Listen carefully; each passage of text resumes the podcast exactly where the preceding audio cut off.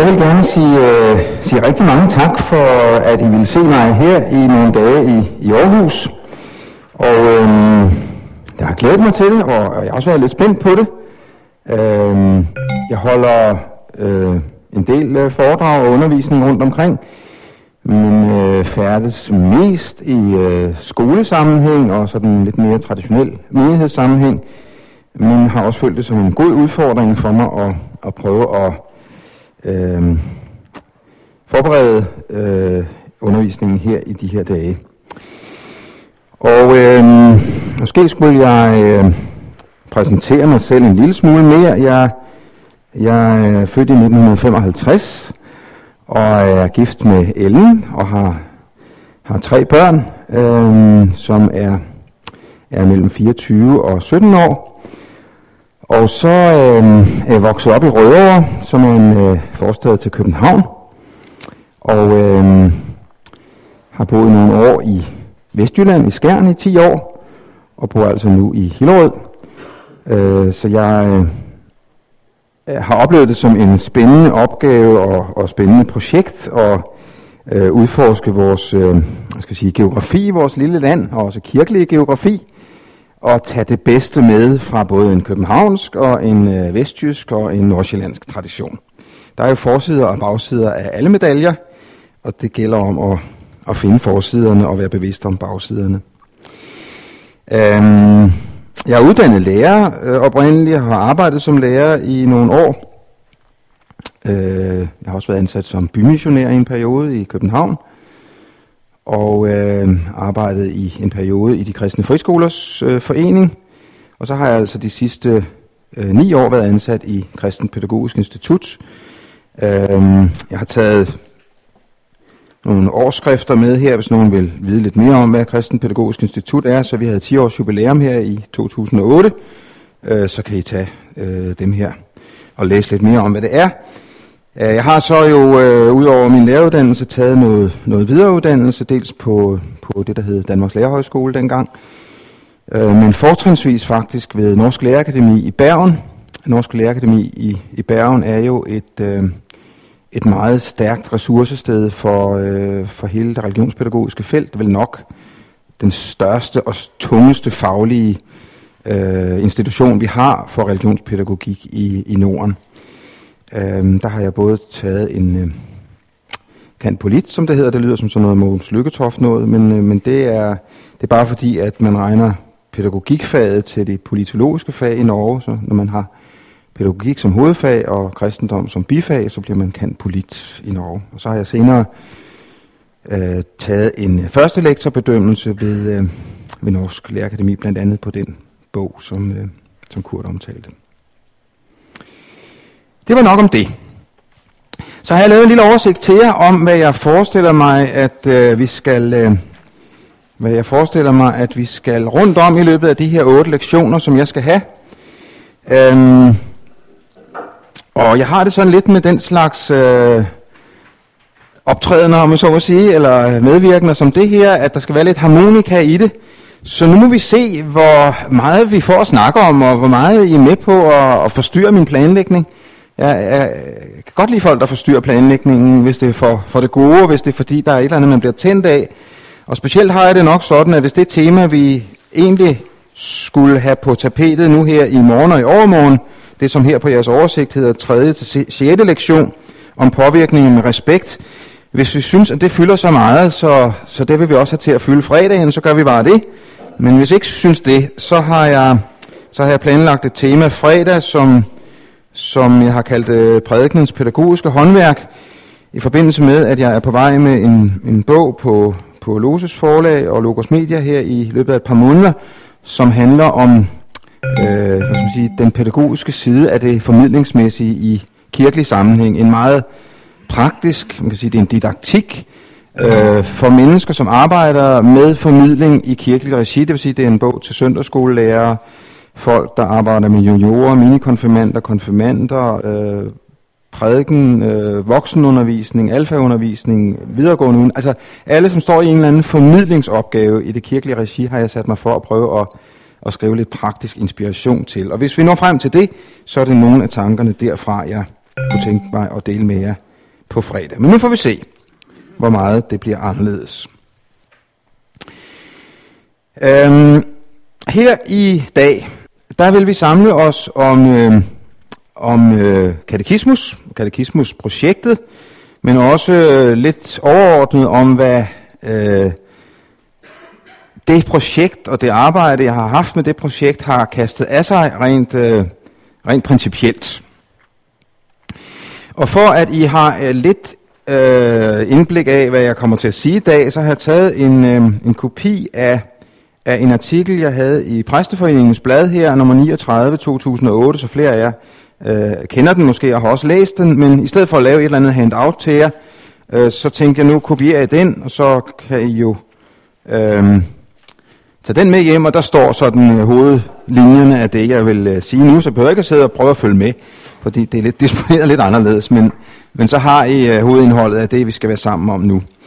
Jeg vil prøve i den første lektion her at sige noget principielt, og give lejlighed til debat og samtale om det i plenum til sidst.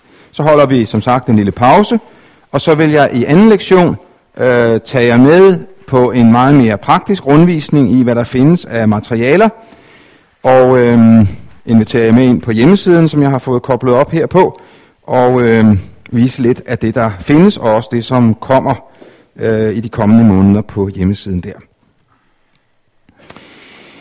Jeg skal måske lige præsentere øh, katekismusprojektet sådan lidt overordnet, inden jeg kaster mig ud i det. Det er et projekt, der er blevet til i samarbejde mellem øh, otte organisationer, øh, som har haft et fælles øh, mødepunkt i det, der hed Religionspædagogisk Samtaleforum, øh, hvor for øvrigt også Menighedsfakultetet har været med, skønt I ikke valgte at gå aktivt ind i projektet, har man lige været med, med, med ved det bord, hvor, hvor tankerne blev født. Jeg kan også nævne øh, med glæde, at det i virkeligheden var Georg Adamsen her fra stedet, som sad med i sin tid, det er jo efterhånden 4-5 år siden, som var øh, egentlig initiativtager til, eller idéskaber for øh, det med fokus på katekismus. Øh, Georgs store øh, lidenskab, det var øh, katekismus som udenadslærer. Øh, og for øvrigt er det så blevet et af materialerne, der ligger på hjemmesiden, en meget, synes jeg, god øh, måde at lære udenad på, for det, det, det behøver ikke at være dårligt. Men vi var nogen, der synes, at det skulle bredes lidt mere ud, end til bare at være udenadslærer. Øh, men, men, øh, men det var faktisk Geo, der, der tænkte de første tanker også om, om en vitalisering af, af katekismus. Det blev så til, at otte organisationer gik sammen i det her projekt og har skudt nogle penge i det. Og man kan sige, at det er bygget op om to akser. Det er dels bygget op omkring den her lille øh, Katekismus Updated, som efterhånden er kommet i tre forskellige udgaver. Den kan også købes herude i bogsalget. Den første udgave med stiftbind, som har øh, sådan nogle lidt mere bibelshistoriske illustrationer. Øh, den anden her, som kom efter, at den der øh, blev udsolgt med nogle sådan lidt mere fancy øh, illustrationer i, og så endelig en tekstudgave, som øh, ikke rummer billeder, men simpelthen bare teksten fra Katekismus Updated. Øh, sådan lige til at have i baglommen, øh, lige til at putte ind i Bibelen, lige til at have sådan med hånden. Det er jo simpelthen kernen af den kristne tro, vi har her. Vi har haft den glæde, at Katekismus Updated her er blevet solgt i mere end 10.000 eksemplarer på, på godt og vel to år. Det vil sige, at det er en af de mest øh, sælgende kristne bøger i øh, disse år øh, i vores land. Og øh, det er langt mere, end vi havde turde håbe på, det kan jeg godt øh, sige. Til Katekismus Updated er der så knyttet en hjemmeside, som vi skal se lidt mere på i næste lektion. Og øh, det er sådan set de to steder, Katekismus-projektet materialiserer sig.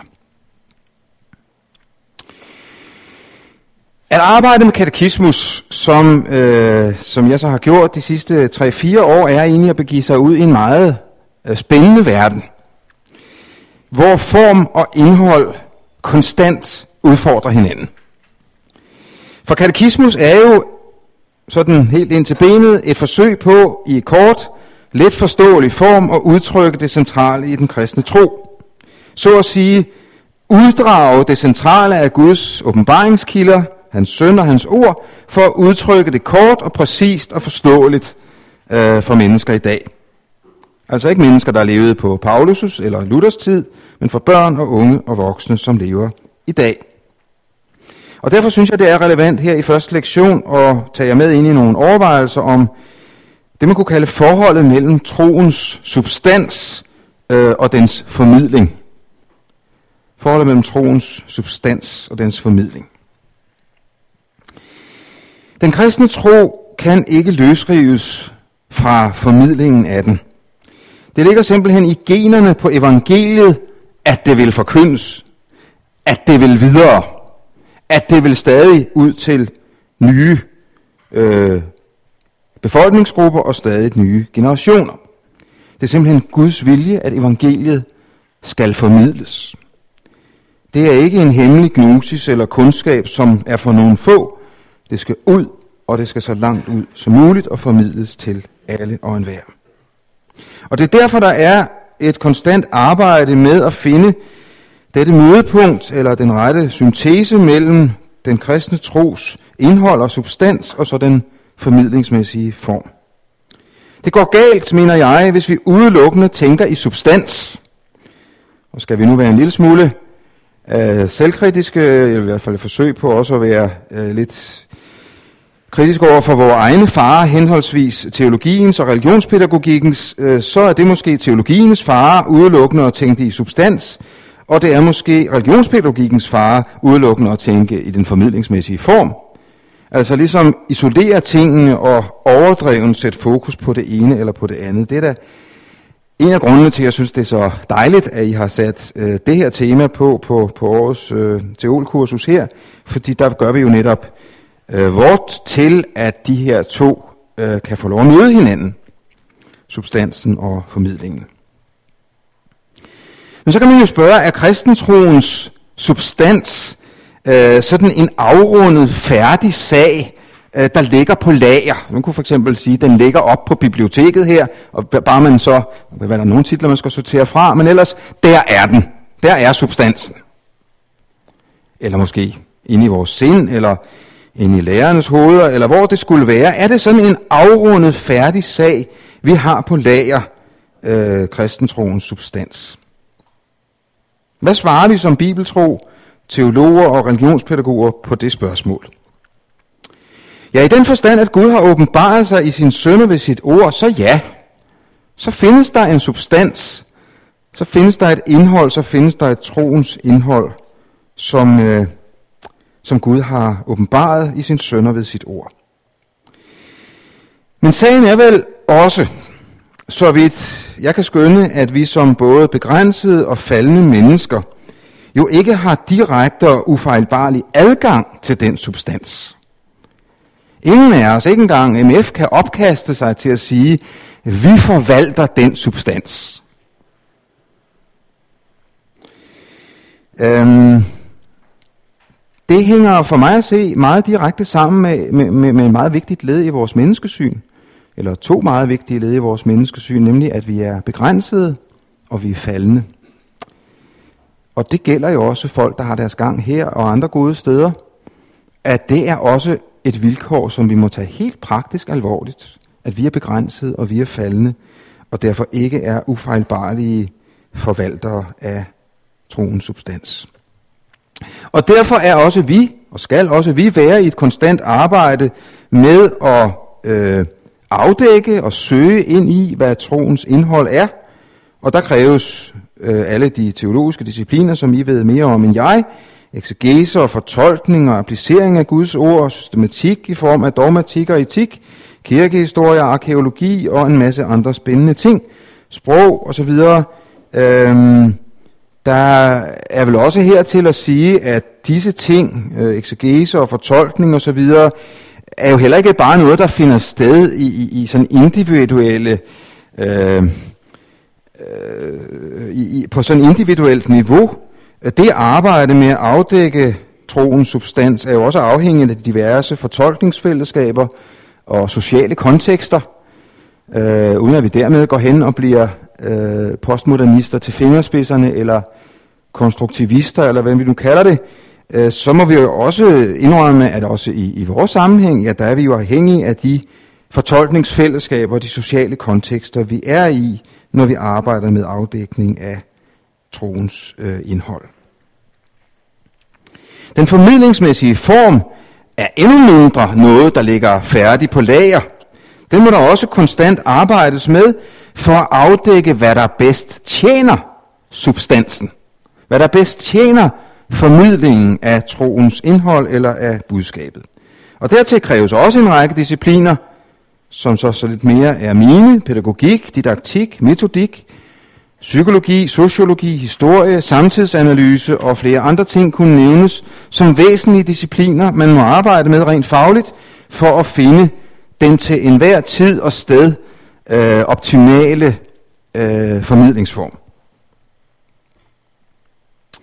Selvom disse to områder, troens substans og troens formidling, altså ikke er afrundede sager, der ligger færdige på lager, så må vi alligevel sige, at det første kristentroens indhold og substans, alt andet lige, er, i hvert fald i bibeltro sammenhæng, øh, en, en langt mere øh, afrundet og kendt størrelse.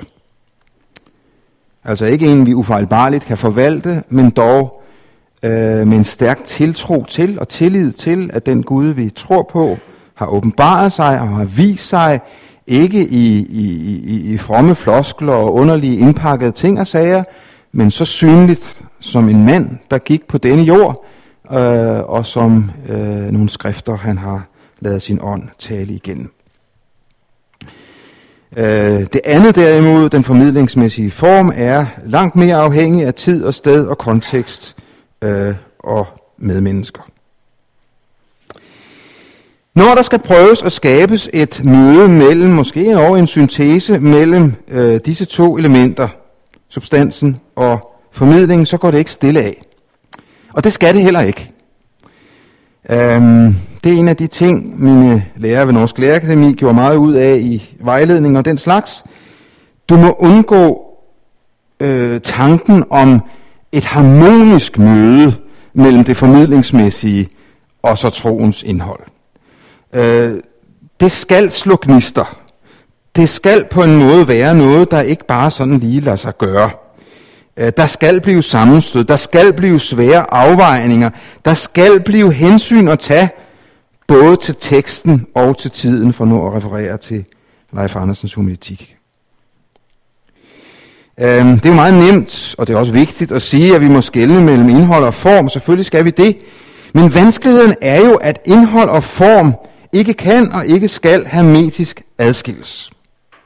Indholdet vil uværligt få betydning for formen, og formen vil uværligt få indflydelse på indholdet. Så selvom det er vigtigt at skælne, og vi skal gøre forsøget, så skal vi også være os knusende bevidst, at det lader sig ikke gøre øh, sådan helt inde øh, i, i, i nerverne de her ting. Vi kan tage fænomen som, som bibeloversættelse som eksempel. Øh, vi er jo ikke muslimer, der mener, at vores skriftlige norm øh, af princip ikke bør oversættes. Tværtimod. Det er netop tanken, at Bibelen skal oversættes.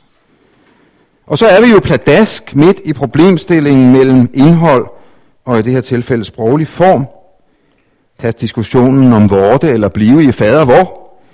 Jeg har ikke så meget forstand på det, men folk, jeg lytter til, der der ved noget om det, siger, at vorte er jo egentlig et rigtig meget præcist og rammende ord for det, der står i grundteksten.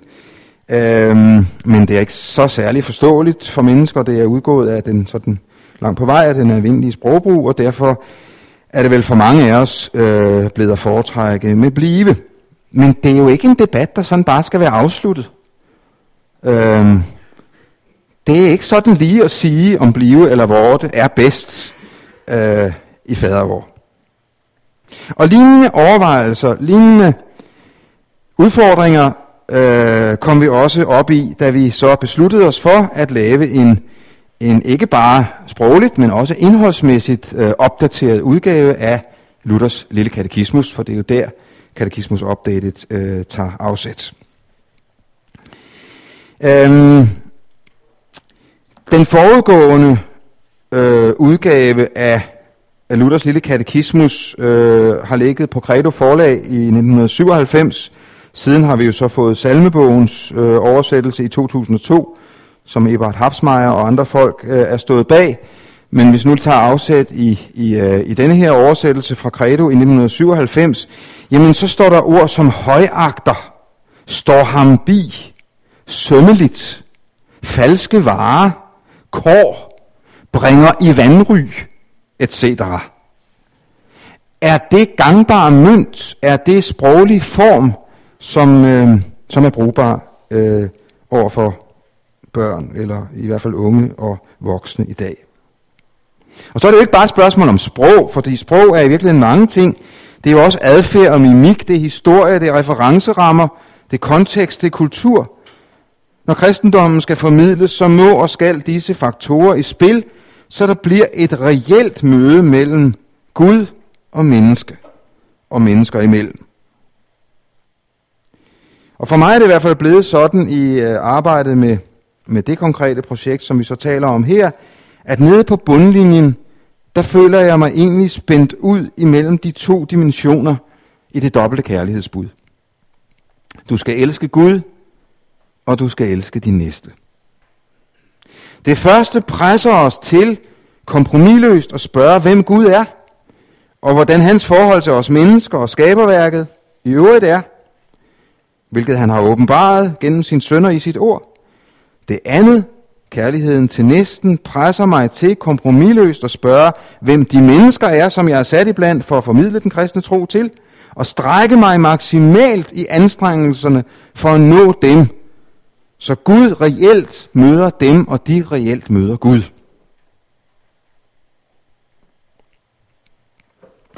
Lad mig så prøve at eksemplificere, hvad det har kastet af sig af, af overvejelser, og så altså også jo af, af beslutninger, øh, om vi, hvordan vi vil gøre det i øh, første omgang her i, øh, i denne her øh, katekismus update, så kommer vi til hjemmesiden i, i næste lektion, fordi vi har hele tiden været meget klar over, at selvom vi finder det, vi synes var den optimale tekst her, så er der stadigvæk meget langt fra det, der er den optimale tekst her, til det, som så forstås af en minikonfirmand eller en konfirmand, eller et menneske, der ikke er vant til at komme i kirkelig sammenhæng, eller for den sags skyld af en gavet missionsmand.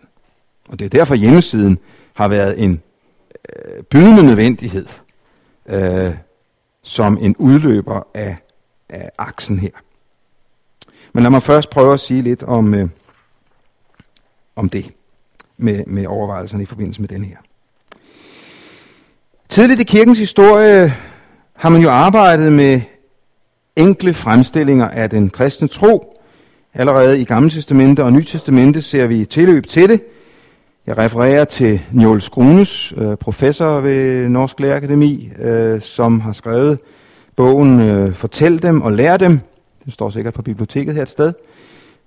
hvor i han gør rede for, hvordan der både i GT og NT er tilløb til til disse enkle, komprimerede fremstillinger af troen. 5. Mosebog 6, Filipperbrevet 2, Kolossenserbrevet 1 er nogle af stederne.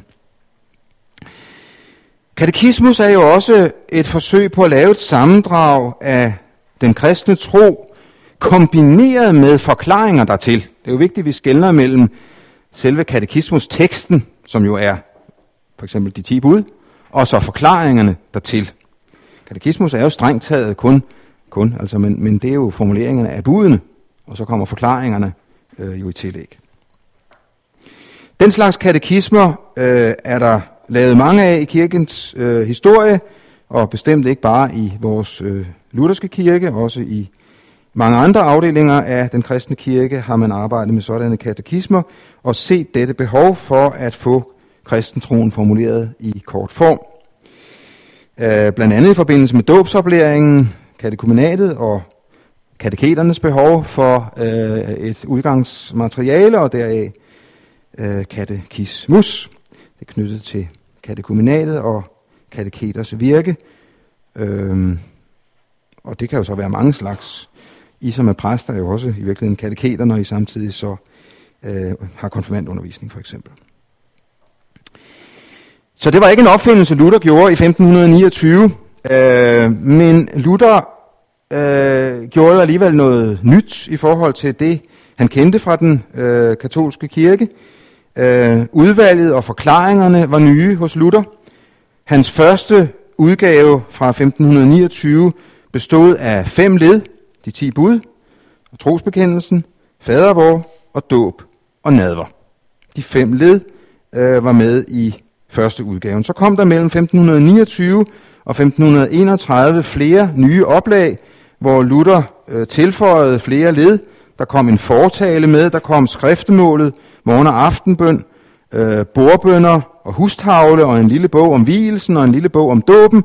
Og det er, så vidt jeg ved, i øvrigt det udvalg, som Peter Olsen har gjort her i Kredeudgaven øh, fra 97, øh, nogenlunde den der øh, maksimale pakke fra øh, Luthers udvalg. Men det kan andre her svare bedre på, hvis vi skal ind i detaljer på det felt. Øhm, katekismerne nåede naturligvis også til, til Danmark, og med etableringen af folkeskolen i 1739 øh, kom katekismus for alvor på dagsordenen. Folkeskolen blev jo etableret i 1739 i en meget høj grad øh, foranlediget af den nys indførte konfirmation. Og øh, det er jo derfra i, i det lange løb også, at historien skriver sig øh, frem til ca. 1975 om øh, folkeskolen som, som den, der varetager øh, kirkens øh, dåbsoplæring. Det er jo så afviklet nu, og, og vi står over for nye udfordringer øh, i kirken, fordi skolen ikke længere kan varetage den dåbsoplæring. Men det var med skolens, med folkeskolens indførelse i 1739 og behovet for øh, undervisningsmateriale i den forbindelse, at katekismerne for alvor øh, fik sit indtog.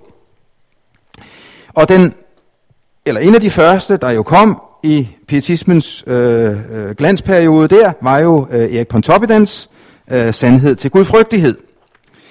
Med sine 759 spørgsmål, og sine, i min udgave her, 223 sider, som jo var, hvad man ventede, at, som der står i forordet, normalt begavede børn skulle lære uden ad. Så var det jo dog så vældig skånsomt, at når man så havde de svagt begavede børn, og dem var der jo altid af i nogle af klasserne, så kunne de nøjes øh, med 590 spørgsmål, og ikke alle 759. Hvor nådigt og hvor dejligt at tænke på specialundervisning så højt et niveau. Øhm, den blev på mange måder en elsket og frygtet øh, sag. Øhm, men der er der meget hente i den i dag. Jeg frekventerer den da også indimellem, for at se, hvad fader Pontoppidan øh, mener om dette eller hint. Så kom der senere andre udgaver. Øh, vi fik øh, Balles katekismus på banen. Vi fik øh, det, som jo så senere kom netop til at hedde Balles lærebog, som man også kan møde spottende omtaler af i øh, Danmarks litteraturen. Øhm, senere fik vi Balslevs udgave, hvor jeg her står med et eksemplar fra 345. 20. oplag. Vær så god at skylle. 345. 20. oplag fra 1965. Det siger mere end mange ord noget om, hvor basal, altså helt op i, i, i det 20. århundrede, at den her sag har været i øh, skolesammenhæng. At den har kunne sælges, det er jo langt, langt ud over katekismus opdaget, det må man nok sige. Øhm, og så er vi jo allerede ved en overvejelse, bare omfanget. Hvad skal omfanget af en katekismus være? Skal det være de her 223 sider, eller skal det være Balslevs 74 sider, øh, eller skal det være vores 24 sider? Du stemmer på det sidste. Tak for hjælpen.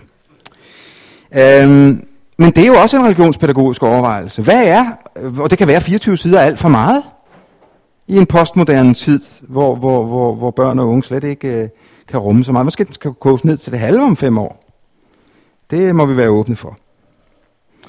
Øhm, man kan i hvert fald sige, at skal vi være også der en lille smule selvkritisk, så kan det godt være, at vi kan prale af, at vi er kommet ned på 24 sider her, men så har vi jo en hjemmeside. Og der overgår vi jo pludselig på en den. Og så kan det sige, at det er bare elektro- elektronisk, men øh, okay, det er bare et skalkeskjul for, at vi alligevel har brug for en masse sider tekst og masse undervisningsmaterialer, jeg skal vise jer i næste lektion, for at gøre det her øh, gangbart. Så jeg ved ikke, øh, hvor meget vi sidder på, på den grønne gren. Lad mig prøve at introducere jer lidt for nogle af overvejelserne, vi rent praktisk havde med øh, øh, denne her. Og så kunne vi tage en lille debat måske bagefter, jeg er meget gerne øh, åben for modsigelser og medsigelser og øh, forslag, måske fra jeres side, som, som kender til øh, undervisning i, i den kristne, øh, grunds, øh, den kristne tros øh, grundsandheder, til et andet udvalg eller nogle andre ting, øh, der skal få os til eller slettes. Allerførst kan man jo spørge, hvorfor i alverden tage afsæt i Luthers lille katekismus? Hvorfor ikke sige, jamen vi begynder på bar bakke og, og, og laver, laver vores eget? Det synes vi ikke var smart. Og vi havde vel egentlig heller ikke så øh, store tanker om os selv, at vi skulle være i stand til at i virkeligheden lave et bedre udvalg eller nogle, et bedre afsæt end denne her øh, religionspædagogiske genistreg. For det er jo det, Luthers lille katekismus har været i 500 år. En religionspædagogisk genistreg. Som alt godt er det selvfølgelig blevet misbrugt. Der findes ikke intet her i den her tilværelse af godt, som ikke også bliver misbrugt. Men, men den har været en religionspædagogisk genistreg, som vi også følte, vi øh, med stor frimodighed kunne tage afsæt i. Så følte vi også, at det var vigtigt, når vi skulle lave en sådan sag, at vi fik noget, som ikke fulgte den trend, som man jo kan se mange steder, også i de katekismer, øh, vi ser fra, fra folkekirkeligt regi i dag. I kan tage øh, tidligere biskops øh, Lindhards øh, katekismus, øh, den der røde, jeg ved ikke om nogen af jer kender den. Eller I kan tage øh, Kai Mogensens, og hvad hedder han, Vas, op fra øh, Aalborgs øh, udgave af en folkebog om troen, eller hvad hedder den? Øh, hvor jeg jo synes, øh, der er mange gode ting i det. Øh, der er også en del ting, der er påfaldende, de ikke skriver noget om.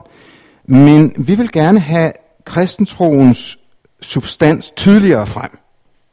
Vi vil gerne markere lidt en modstrøm, og det tror jeg, man må sige, det er. Lidt en modstrøm til den der øh, kogen tingene ned til, til øh, ligesom øh, en, en, en, en, en, øh, en mindre grad af substans til den maksimale substans. Vi vil have budene og trosbekendelsen og fader vor, og ikke bare dåb og nadver skriftemål, men også ordet som, øh, som vores øh, nådemiddel i, i luthersk sammenhæng med.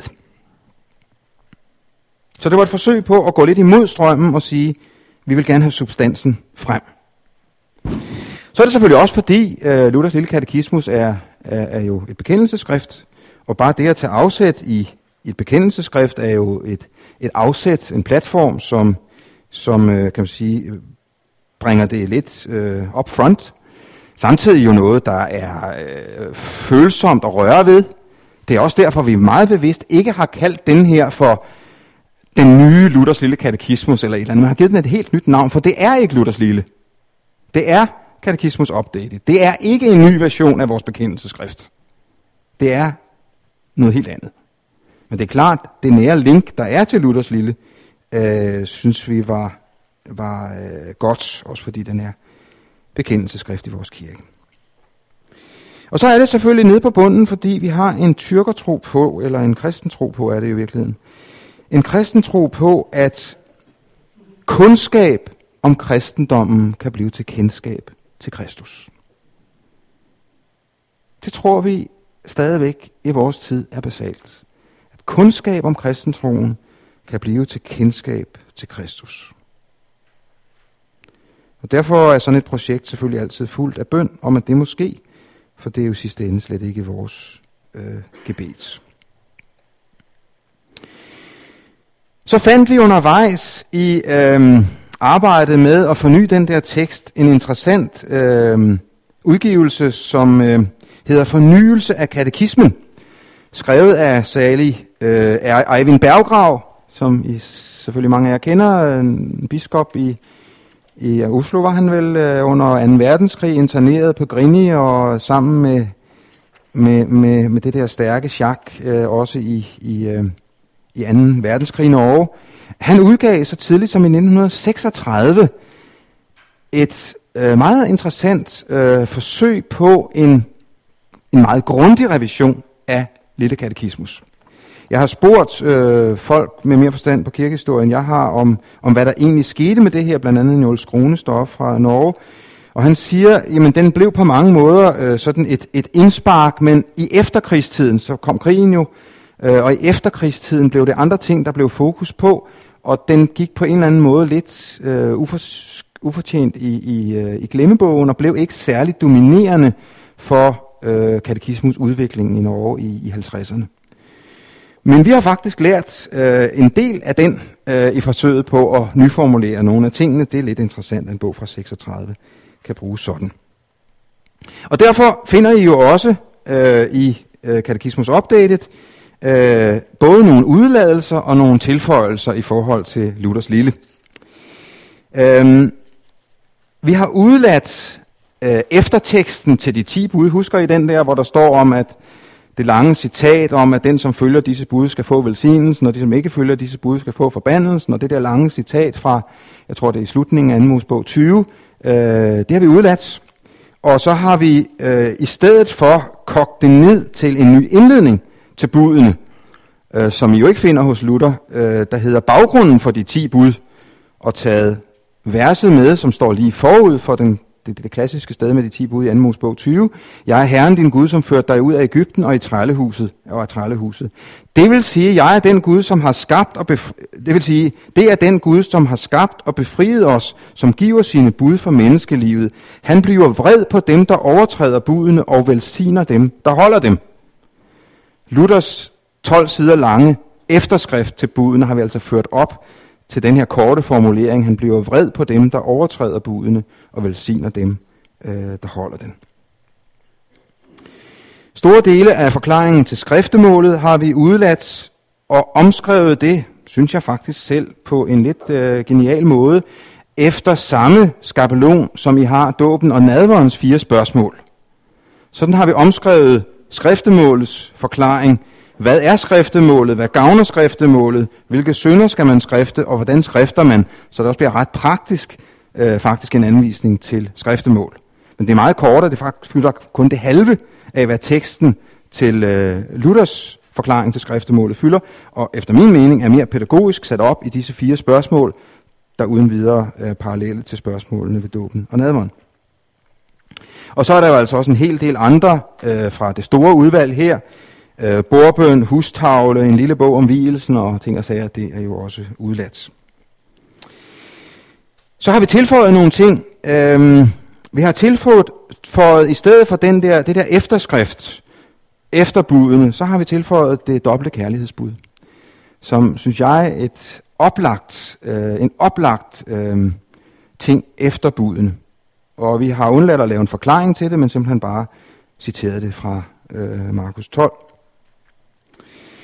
Øhm, så har vi gjort det, at vi har tilføjet forsagelsen. Det havde vi meget debat om i redaktionsgruppen.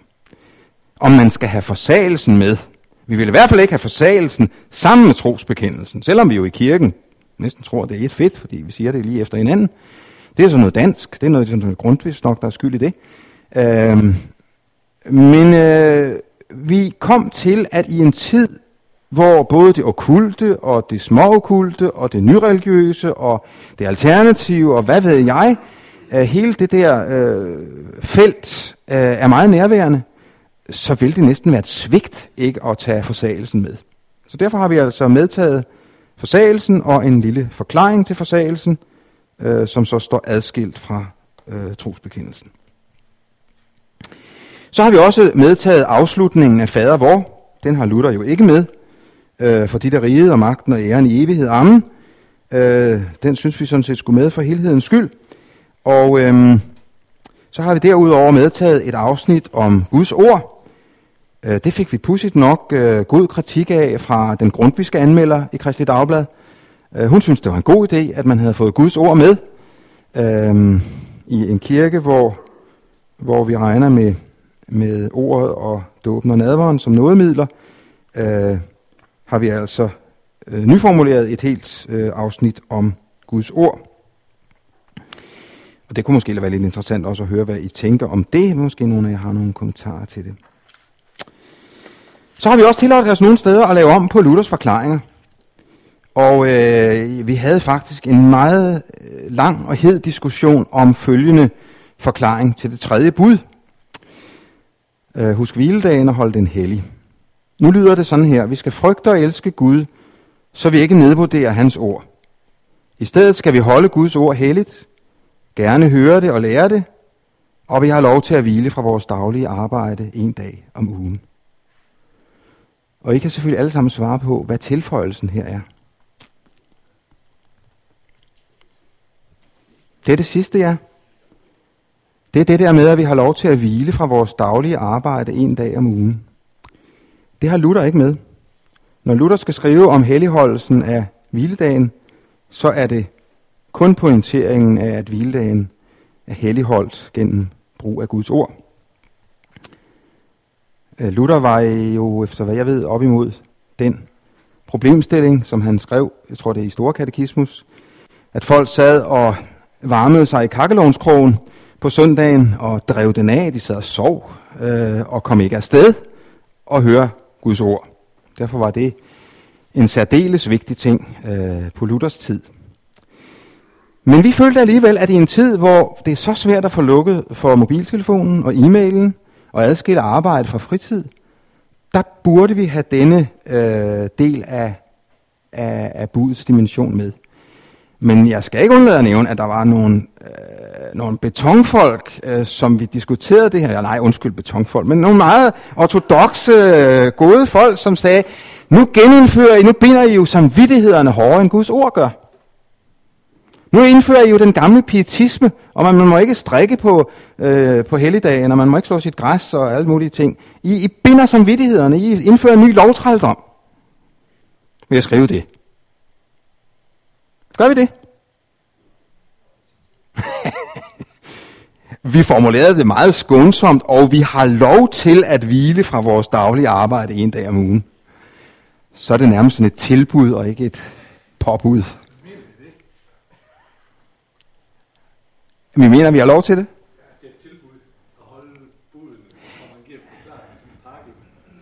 Jeg havde gerne set den stramme mere op, Jørgen. Jeg havde gerne set den mere bindende. Men øh, der skal kompromiser til nogle gange. øh, synes du godt, man kunne formulere den som, øh, at her er et bud om at hvile en dag om ugen? Det er jeg nemlig også lidt usikker på. Derfor var det jo rart, at det har stået i katekismen.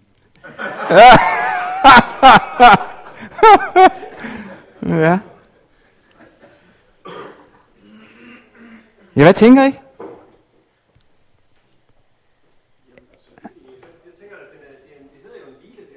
Ja. Ja. Og hele koblingen til skabelsen og, og den der dimension er jo også med. Niels Jørgen? Ja. Ja. Nej, nej. Ja. Du. Ja.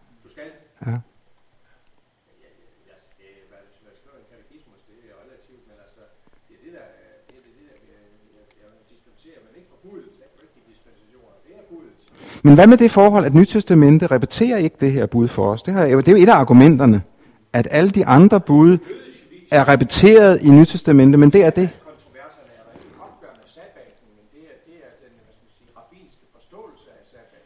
Ja. Men vi har vel ikke i Paulus' breve eller andre steder på samme måde et, et påbud om, om sabbat. På samme måde som vi har et påbud om, at du må ikke lyve, eller du må ikke begå mor eller andre ting.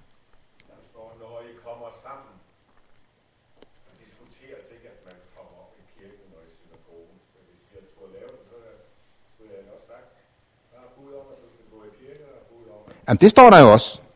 Det, det er jo med. Altså, vi skal, altså ikke at vi skal gå i kirke, heller ikke i Kristens kirke, men altså i stedet... Øh, i, øh, for det, det er jo stadigvæk formuleret på den lidt skrappere vis. I stedet skal vi holde Guds ord heldigt, gerne høre det og lære det. Det er stort set teksten fra Luther. Jamen her er det knyttet til en bestemt dag, til hviledagen. Et af problemerne er vel, at det nye testamentets kontekst var den øh, i stort omfang hedens kontekst, hvor der ikke var noget, nogen fridag knyttet til. Mm. Og der kan man sige, der bliver den manglende lukkelov jo altså ikke trukket ind i det nye testamentets formulering, men alene helligholdelsen ved Guds ord. Mm. Det mener jeg, man kan, det kan man klart argumentere for i det testament. Der kan man sige, at vi er på vej tilbage Og kan man, så, kan man så sige, at man har lov til at holde fri, hvis man er ansat som hjemmehjælper, eller øh, arbejder på McDonald's eller tanken? Mm. Øh, så altså, jeg, jeg vil faktisk sige, det der med, at man har lov til at holde fri, det er jo sådan en evangelisk tankegang, men, men holder det valg. Fordi øh, skal man søge arbejde efter, om man Mm. gøre det, eller ikke kan gøre det, kan holde fri, så er noget som vidt over ikke kunne holde fri. Men der er det jo så også bevidst formuleret på den her måde. Vi har lov til at hvile fra vores daglige arbejde en dag om ugen, ikke nødvendigvis søndag. For det er vel den måde, vi normalt svarer sygeplejersken på, ikke? Du er nødt til at arbejde om søndagen indimellem, fordi ellers så dør de syge jo. Men så er skabelsesordningen, så skal du have en anden ugedag. Paulus giver altså frihed til at... Anders har lige markeret lidt. Det er en sammenblanding, altså holde, holde hviledagen hellig, og så, øh, og så, og så tanken om, og, at, du, at du kan også tage den en anden dag. Altså der, der er i hvert fald øh, en, en oplagt øh, hvad kan man sige, pro- problemstilling. Ja. At du er hellig ved at gøre det en anden dag. Altså så kan du, mm. øh, hvad kan man sige, jeg har ingen pro- problem med det, men øh, helligholdelsen øh, er vel netop det at, at gå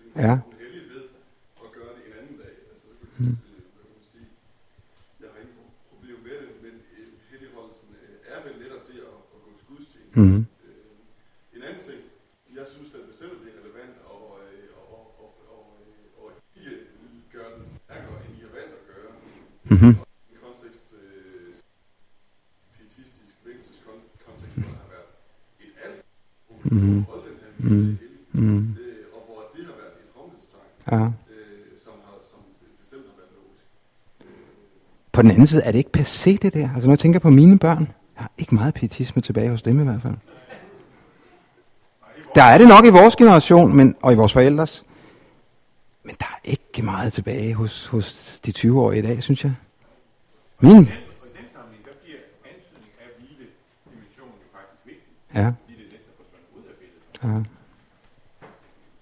men det er en meget spændende debat, for altså, er det for stærkt, eller er det for svagt, og hvem snakker vi om? For jeg tror, du har ret, Anders, at, at i hvert fald til vores forældres generation, som, som havde et næsten hysterisk forhold til enten strikning eller havearbejde, eller hvad det nu var, øh, er der, er der et hensyn at tage, men der er nok et andet hensyn at tage til dem, der, der er 15 og 20 i dag.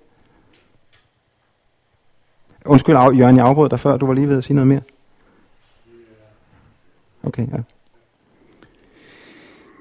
Ja, øh, den første dag i ugen, altså et af de stærkeste opstandelsesvidnesbyrd, det er jo altså, at de første kristne skiftede sabbatsdagen ud med den første dag, mm. hvor de ikke havde fri. mm, Og det var, det giver altså 300 år før, vi havde fri om søndagen, mm, øh, groft sagt. Ikke? Altså, de kunne godt finde ud af at have gudstjeneste om søndagen, selvom de havde arbejdet. Og øh, det, altså, det synes jeg altså er vigtigt pointeret i Nytestamentet. Mm. Den første dag i ugen er en exceptionel dag, mm, som der trods øh, også sekulariseringen skal værnes om. Ja. Ja, ja. Og særligt så må man også noget andre gudstjenester øh, om aftenen og ja, der kan Ja. man i, i mange steder. Øh, hvor for folk de bor i byer nu, Ja. ja. der kan man jo sagtens have gudstjenester flere gange om dagen. ja. Det kan være ude i de små landsår med 400 indbyggere, ja.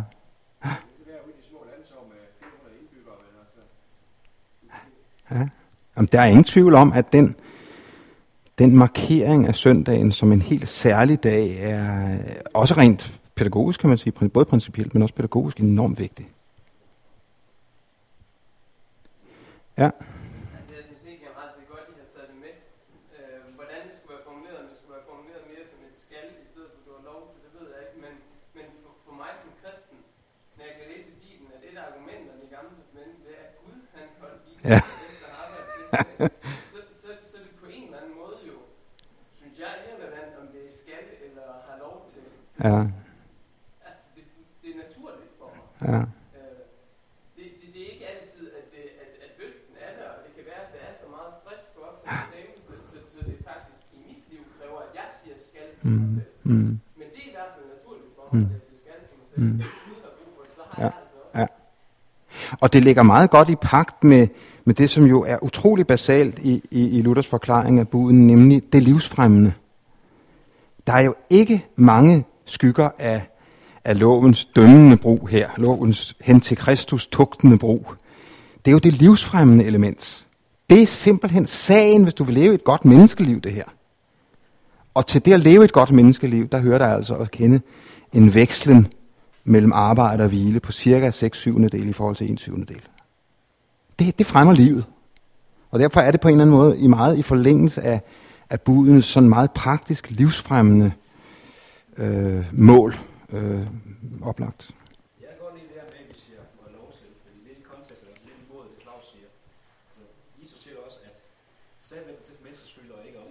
Er. Altså. Mm. Så jeg synes, det er så, jeg synes lovlighed er meget sådan, så ting, man som selv forventer. Ja. Jeg tror, jeg, jeg tror også her, den, dig dejser vi lige ned i en problemstilling, hvor du er en generation, og Claus er en anden. Og hvor mange, nu tænker jeg igen på mine børn, øh, har... Hvad siger du? Ja. Nå, undskyld, jeg troede, det var den Claus. Åh oh, nej, undskyld. Så trækker jeg det hele i mig igen. undskyld, jeg vidste ikke, du er Claus.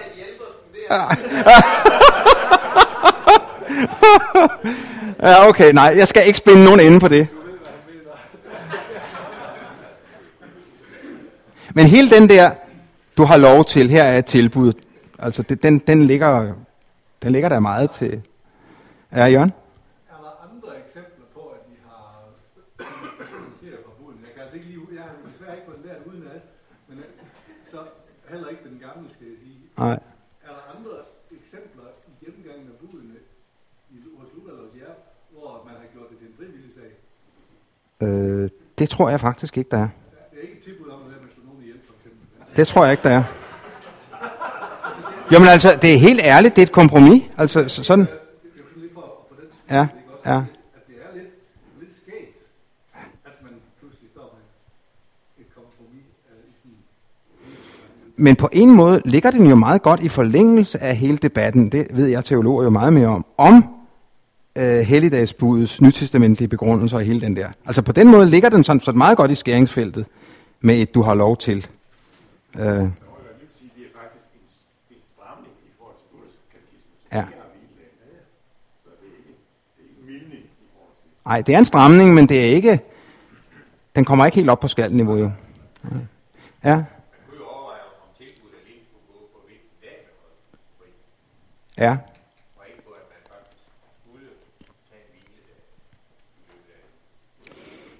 Nej, og der, kom, der kommer så også det problem, en, en Anders nævnte, at, at sådan som, som vi har tænkt det, så, så er øh, den første del, nemlig helligholdelsen af hviledagen, med henblik på at, at høre Guds ord knyttet til søndagen, mens hviledagsaspektet af hensyn til sygeplejersker og andre, øh, ikke snævert er knyttet til søndagen, vel? Og, og det er ikke nemt lige at klare på få linjer og få det ret ud.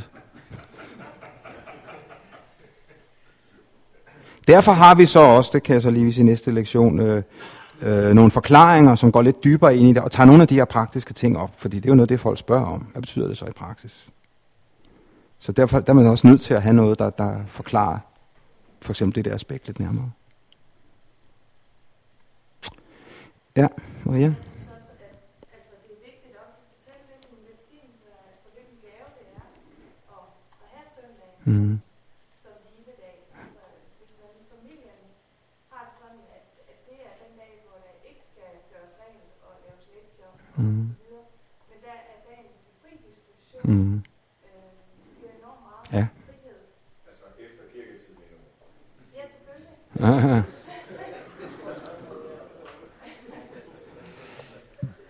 Men jeg, altså jeg blev for nylig spurgt, om jeg ville komme ud og holde foredrag en søndag eftermiddag, og det havde jeg ikke taget stilling til, før jeg blev spurgt. Men der fandt jeg pludselig ud af, at det ville jeg ikke, fordi den dag ville jeg altså have Mm. til, til Mm. mm. diskussion til at kunne invitere venner og, og, og bare være sammen med Ja. med- Ja. Og ikke skulle afsted til alt muligt. Altså gudstjenesten, og så være sammen på, på alt det der rekreative på forskellige leder. Ja. Ja, det var nogenlunde, hvad vi nåede her i første lektion. Nu holder vi en øh, lille pause. Kan vi sige, at vi mødes igen fem minutter i halv?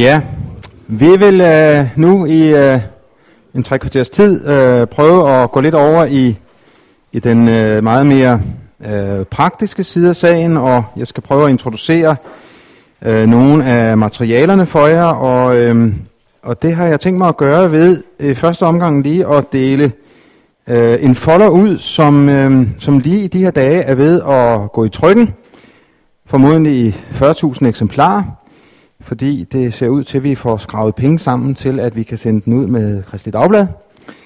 Øh, men øh, jeg har lavet sådan et lille pirattryk til jer her, øh, fordi det er sådan ligesom så godt som færdigt. Øh, og den folder, synes jeg lige, I skal have. Øh, der er lavet 50, så det kan godt være, at nogle af jer har, har mulighed for at tage to, hvis I vil bruge til nogle andre. Det er selvfølgelig bare et pirattryk af den, som jeg har kørt igennem en, en farvekopimaskine, så I skal ikke være nervøs for, at den kommer til at se, se sådan her ud. Der er nogle små skønhedsfejl på den. Men det er en, øh, en lille oversigt over, hvad det er blevet til øh, på den sådan meget konkrete side øh, i katekismusprojektet. Og øh, øh vi har delt øh, folderen op, og øh, hjemmesiden, som, øh, som vi nu skal kigge på, vil i løbet af to-tre uger øh, blive ændret og bygget op efter samme skabelon. Øh, her kan I se, at vi har øh, nogle søgeord, katekismus opdaget, materialer, baggrundsstof, undervisning, sanger, salmer, illustrationer og projekt. Det vil blive brudt op, sådan så det bliver de otte øh, søgeord, I finder her øverst ved de røde firkanter, altså katekismus opdated, personlig brug, undervisning, øh, sange og salmer og digte, i fællesskab, øh, børn og baggrundsstof og illustrationer. Så der bliver otte nye søgeord, som umiddelbart matcher øh, til folderen her. Øhm, den her folder øh, vil blive udsendt med, øh, jeg mangler sådan lige at få de sidste økonomiske bidrag hjem, men, øh, men jeg håber det lykkes. Øh, efter al sandsynlighed, som sagt, med, med Kristi Dagblad, men også med øh, foreningsbladen, Intermissionstidene og Tro og Mission og Liv i Troen og forskellige andre, Danmarks Folkekirkelige Søndagsskolers klubber osv. Men der vil også være en mulighed for at bestille et antal eksemplarer af den her folder til øh, kirker og menigheder. Og derfor vil jeg lige tillade mig, mens jeg nu fortæller om det her, at lade den her bestillingsseddel gå rundt. For det kunne godt være, at I sidder som præst eller et eller andet andet sted, hvor I siger, vi kunne godt lige bruge 50 eller 100 eksemplarer af den her, og så dele ud der, hvor I er. Og det kan I vederlagsfrit få tilsendt. Så jeg lader lige den her øh, liste gå rundt. I kan skrive den øh, navn og adresse, som folderne skal sendes til, og hvor mange I ønsker. Og altså når vi får trykt 40.000, og man skal trykke 45.000 eller 50.000, det er ligegyldigt, når maskinerne kører. Det koster det samme. Så øh, bare bestil så mange, som I synes, I kan bruge, og gør måske også andre øh, opmærksomme på det. Man kan sige, at hjemmesiden her er øh, forklaringer til forklaringerne. Først har vi selve katekismus, teksten, altså budene, eller trosbekendelsen, eller øh, de andre tekster, som jo er givet med, med, med, med bibeloversættelsen, eller med vores bekendelse. Øh, så har vi nogle forklaringer dertil i katekismus opdateret, men vi er godt klar over, at det er jo ikke nok til øh, at, at, at, at forstå det, for alle i hvert fald, og det er slet ikke nok til at formidle det. Og derfor har, øh, har det været en øh, meget integreret del af det her projekt, og lade den her hjemmeside være sådan et ressourcested, hvor man kan gå ind og hente langt de fleste materialer gratis, men der er også enkelte af materialerne, som er blevet til bøger eller hæfter, man så kan øh, købe. Øhm, øh, hjemmesiden har øh, haft det meget stabilt over de sidste øh, halvandet år, øh, cirka 500 besøgende om måneden. Det er jo ikke meget sammenlignet med de store hjemmesider, det ved jeg nok. Men 500 besøgende, det er alligevel en øh, 15-20 stykker om dagen, der er inde og hente noget, og, og jeg har fået mange meldinger om folk, som er øh, rigtig glade for at bruge de materialer, der ligger. Men jeg har lyst til nu lige at invitere jer lidt med ind på en tur for at se, hvad der ligger, og så øh, vil I altså øh, kunne finde alle tingene igen her i folderen, selvom de så kommer til at ligge et lidt nyt sted på hjemmesiden, så er det sådan set bare en, øh, øh, en flytning af tingene. Der er for det første inde under den første rubrik, Katekismus Updated, nogle øh, forklaringer til Katekismus Updated, fordi vi er klar over, at det ikke bare lige er noget, man sådan forstår. Øhm, I første omgang lavede vi de nederste forklaringer her, der hedder, hvordan forstå Katekismus Updated, og der kan man altså gå ind, hvis nu man vil have fadervor frem, øhm, og finde en sådan forholdsvis enkel forklaring, men dog øh, en forklaring, som kræver visse forkundskaber. Typisk en forklaring til den, der skal undervise, hvis du selv skal have noget undervisning om fader vor, øh, til konfirmand eller alfakursus eller noget andet, så kan man gå ind og få lidt hjælp til øh, formuleringerne her, øh, til forståelsen af, af de enkelte dele. Men så har vi også forsøgt, fordi vi arbejdede på et tidspunkt med et, øh, et, et øh, projekt, eller hvad skal man sige, en, en idé, der hed kristendom for dummies. Hvorfor skulle man ikke lave sådan en, når der er dummies for alle mulige andre? Øh, så vi har i første omgang forsøgt at lave nogle øh, endnu enklere forklaringer. Det er dog kun blevet til øh, de 10 bud og forsagelsen og trosbekendelsen.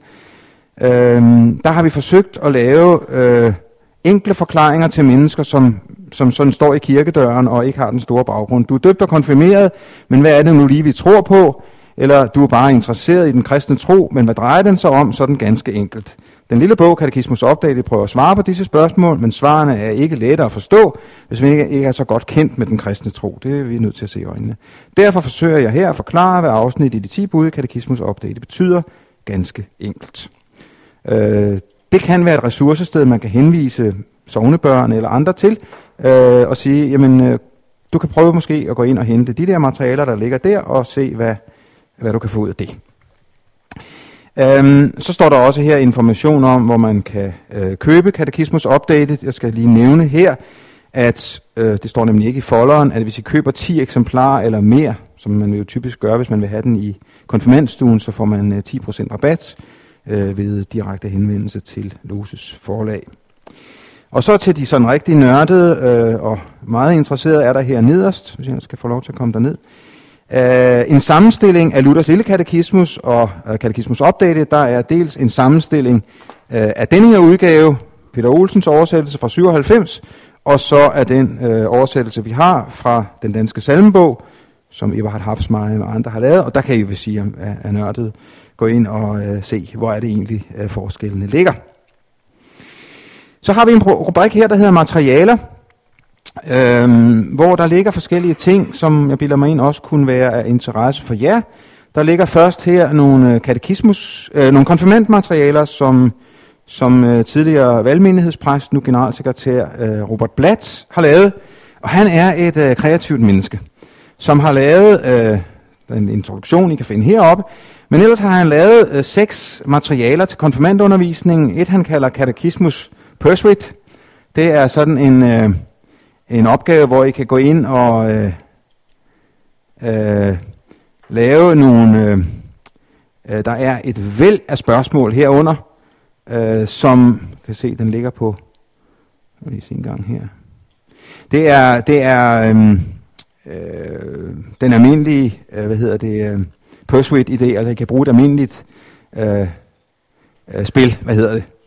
Trivial Pursuit øh, og så bare bruge spørgsmålene her i stedet for. Der er 250 øh, spørgsmål og svar, som alle sammen relaterer til katekismus Updated, og som man skal bør kunne, øh, det, det er ikke svære spørgsmål, men spørgsmål, man typisk vil kunne svare på, øh, hvis man har brugt afsat i katekismus øh, igennem en hel vinter, og så måske på slutningen af, øh, af konfirmandundervisningen øh, at lave en, både en test og en sjov konkurrence med det her. Så har han øh, nogle sudokuer, Øh, hvert øh, medie med respekt for sig selv skal jo have sudokuer, og de er selvfølgelig lavet over, øh, de er selvfølgelig lavet over, øh, øh, hvad hedder de, øh, de her ikoner, som, øh, som øh, vi har fået udviklet til projektet, og så skal man selvfølgelig udfylde hullerne, og bare roligt, øh, længere nede er der en løsning, sådan, så, men den skal I selvfølgelig ikke se for hurtigt. Uh, og hvis man har lyst til at gå ind og pusle med den selv først, kan man selvfølgelig gøre det. Så har Robert lavet noget katekismusteater. Det synes jeg er, det er sådan for de lidt skæve, de, dem med lidt sans for det bizarre og absurde. Og dem er der forhåbentlig nogen af. Uh, den hedder Trosbekendelsen i Salonen, Dåben ved Søbredden og Time Out om skriftemålet. Der har han lavet sådan nogle små dramastykker, som man kan lave mere eller mindre med inddragelse af konfirmanderne, og få noget frem om, øh, om trosbekendelsen eller øh, dåben. Jeg for, hvem forsager du bartender? Jeg forsager ingen her sheriff. I mit erhverv skal man holde sig gode venner med alle. Hvem forsager du kortspiller? Jeg forsager djævlen og alle hans gerninger og alt hans væsen, her sheriff. Og så kører den altså derned af med sådan en øh, saloonhistorie der. Øh, der er vist ikke nogen, der... Jo, der er nogen, der dør til sidst, så vidt jeg husker. Det er en rigtig, øh, rigtig western-historie. Øh, sheriffen trækker pistolen og skyder sig selv.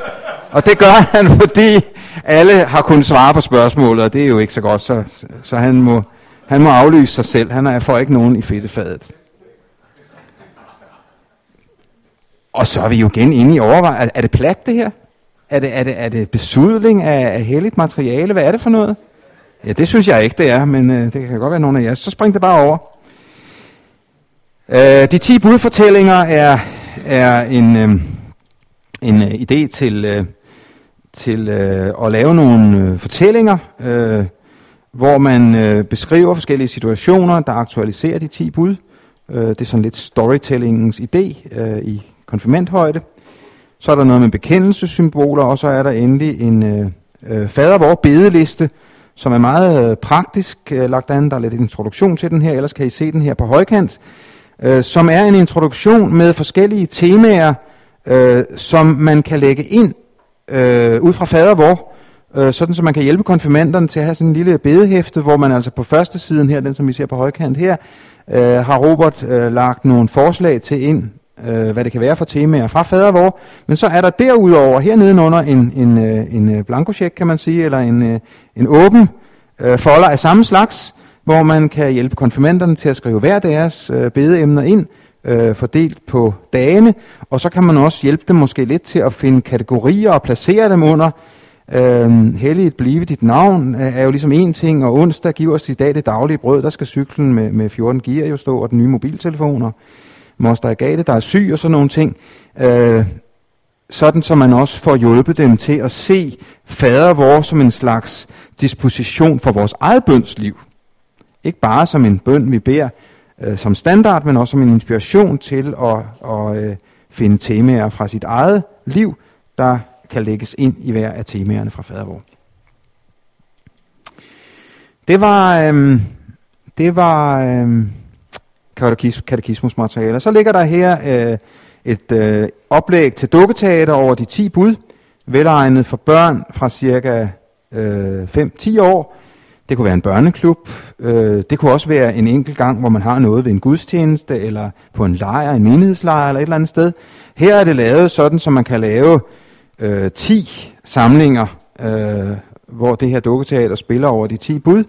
Men man kan selvfølgelig også bare vælge at, at tage et af budene og sige, for tiden er det måske det fjerde bud om, om er din far og din mor, og, og så bruge det stykke. Måske man kan få to fra menigheden til at, at stå for det. Der, det kræver tre personer, to dukker og, og en person, der ikke er dukke. Og så kører det ellers dernedad med sådan et meget enkelt manuskript. Dukketal er jo sådan skruet sammen, så man skal, man skal kunne det her, så den helst øh, omtrent udenad, og så skal man ekstrapolere fra det og lade sig øh, om man så må sige, være fri. Man skal ikke stå der og læse op af et manuskript, når man øh, laver dukteater. Men her er i hvert fald nogle idéer til øh, et replikskifte. Jeg synes, det er, er rigtig godt lavet, meget relevant ind i, i, i ganske små børns eller 5-10-årige børns øh, liv og hverdag. Øh, det er ikke altid drengen, der er den frække. Det er jo sådan, ofte sådan, så hvorfor skal det altid være drengene, der er de frække? Men her er der også Frida indimellem, som er en rigtig led bitch. Så det er virkeligheden. Øhm, sådan, ja. Så har vi øhm, et materiale, der hedder Kort om troen, som er udgivet af i sin tid Credo forlag, det er overtaget nu af Lose. Og øh, der er lavet øh, 10 øh, sådan nogle øh, øh postkort, er det nærmest bukket postkort, som man kan bruge. Og stort set uden forberedelse, det kan være i en ungdomsgruppe, det kan være i en KFS-gruppe, det kan være i et eller andet sammenhæng. Den er lavet specielt for unge fra ikke helt de aller yngste teenager, 16 til 19 år, vil jeg sige. Det er sådan øh, primære målgruppen for det her materiale. Og det, som så øh, er lidt interessant, er, at vi lader kortene øh, matche til nogle temaer her på hjemmesiden.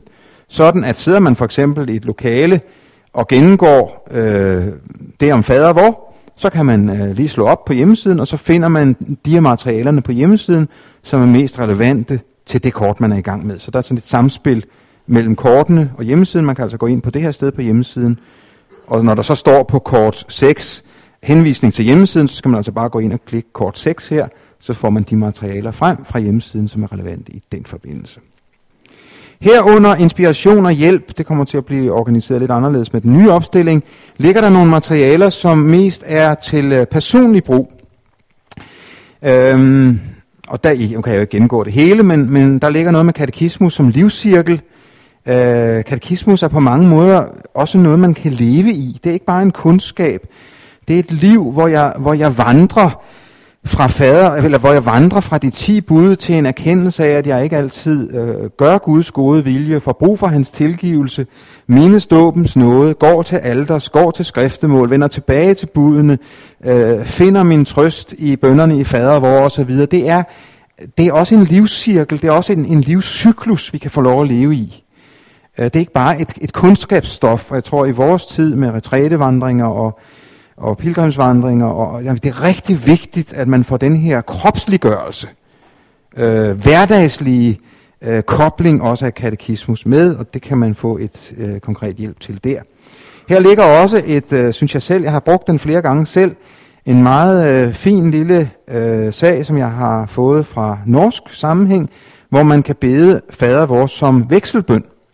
Vi er jo vant til ofte, at man beder fader vor øh, enten i kor eller for sig selv, men jeg synes selv, det har været en, en, en rigtig god øh, erfaring øh, at være med i en øh, bøn øh, med fader vores som vekselbøn.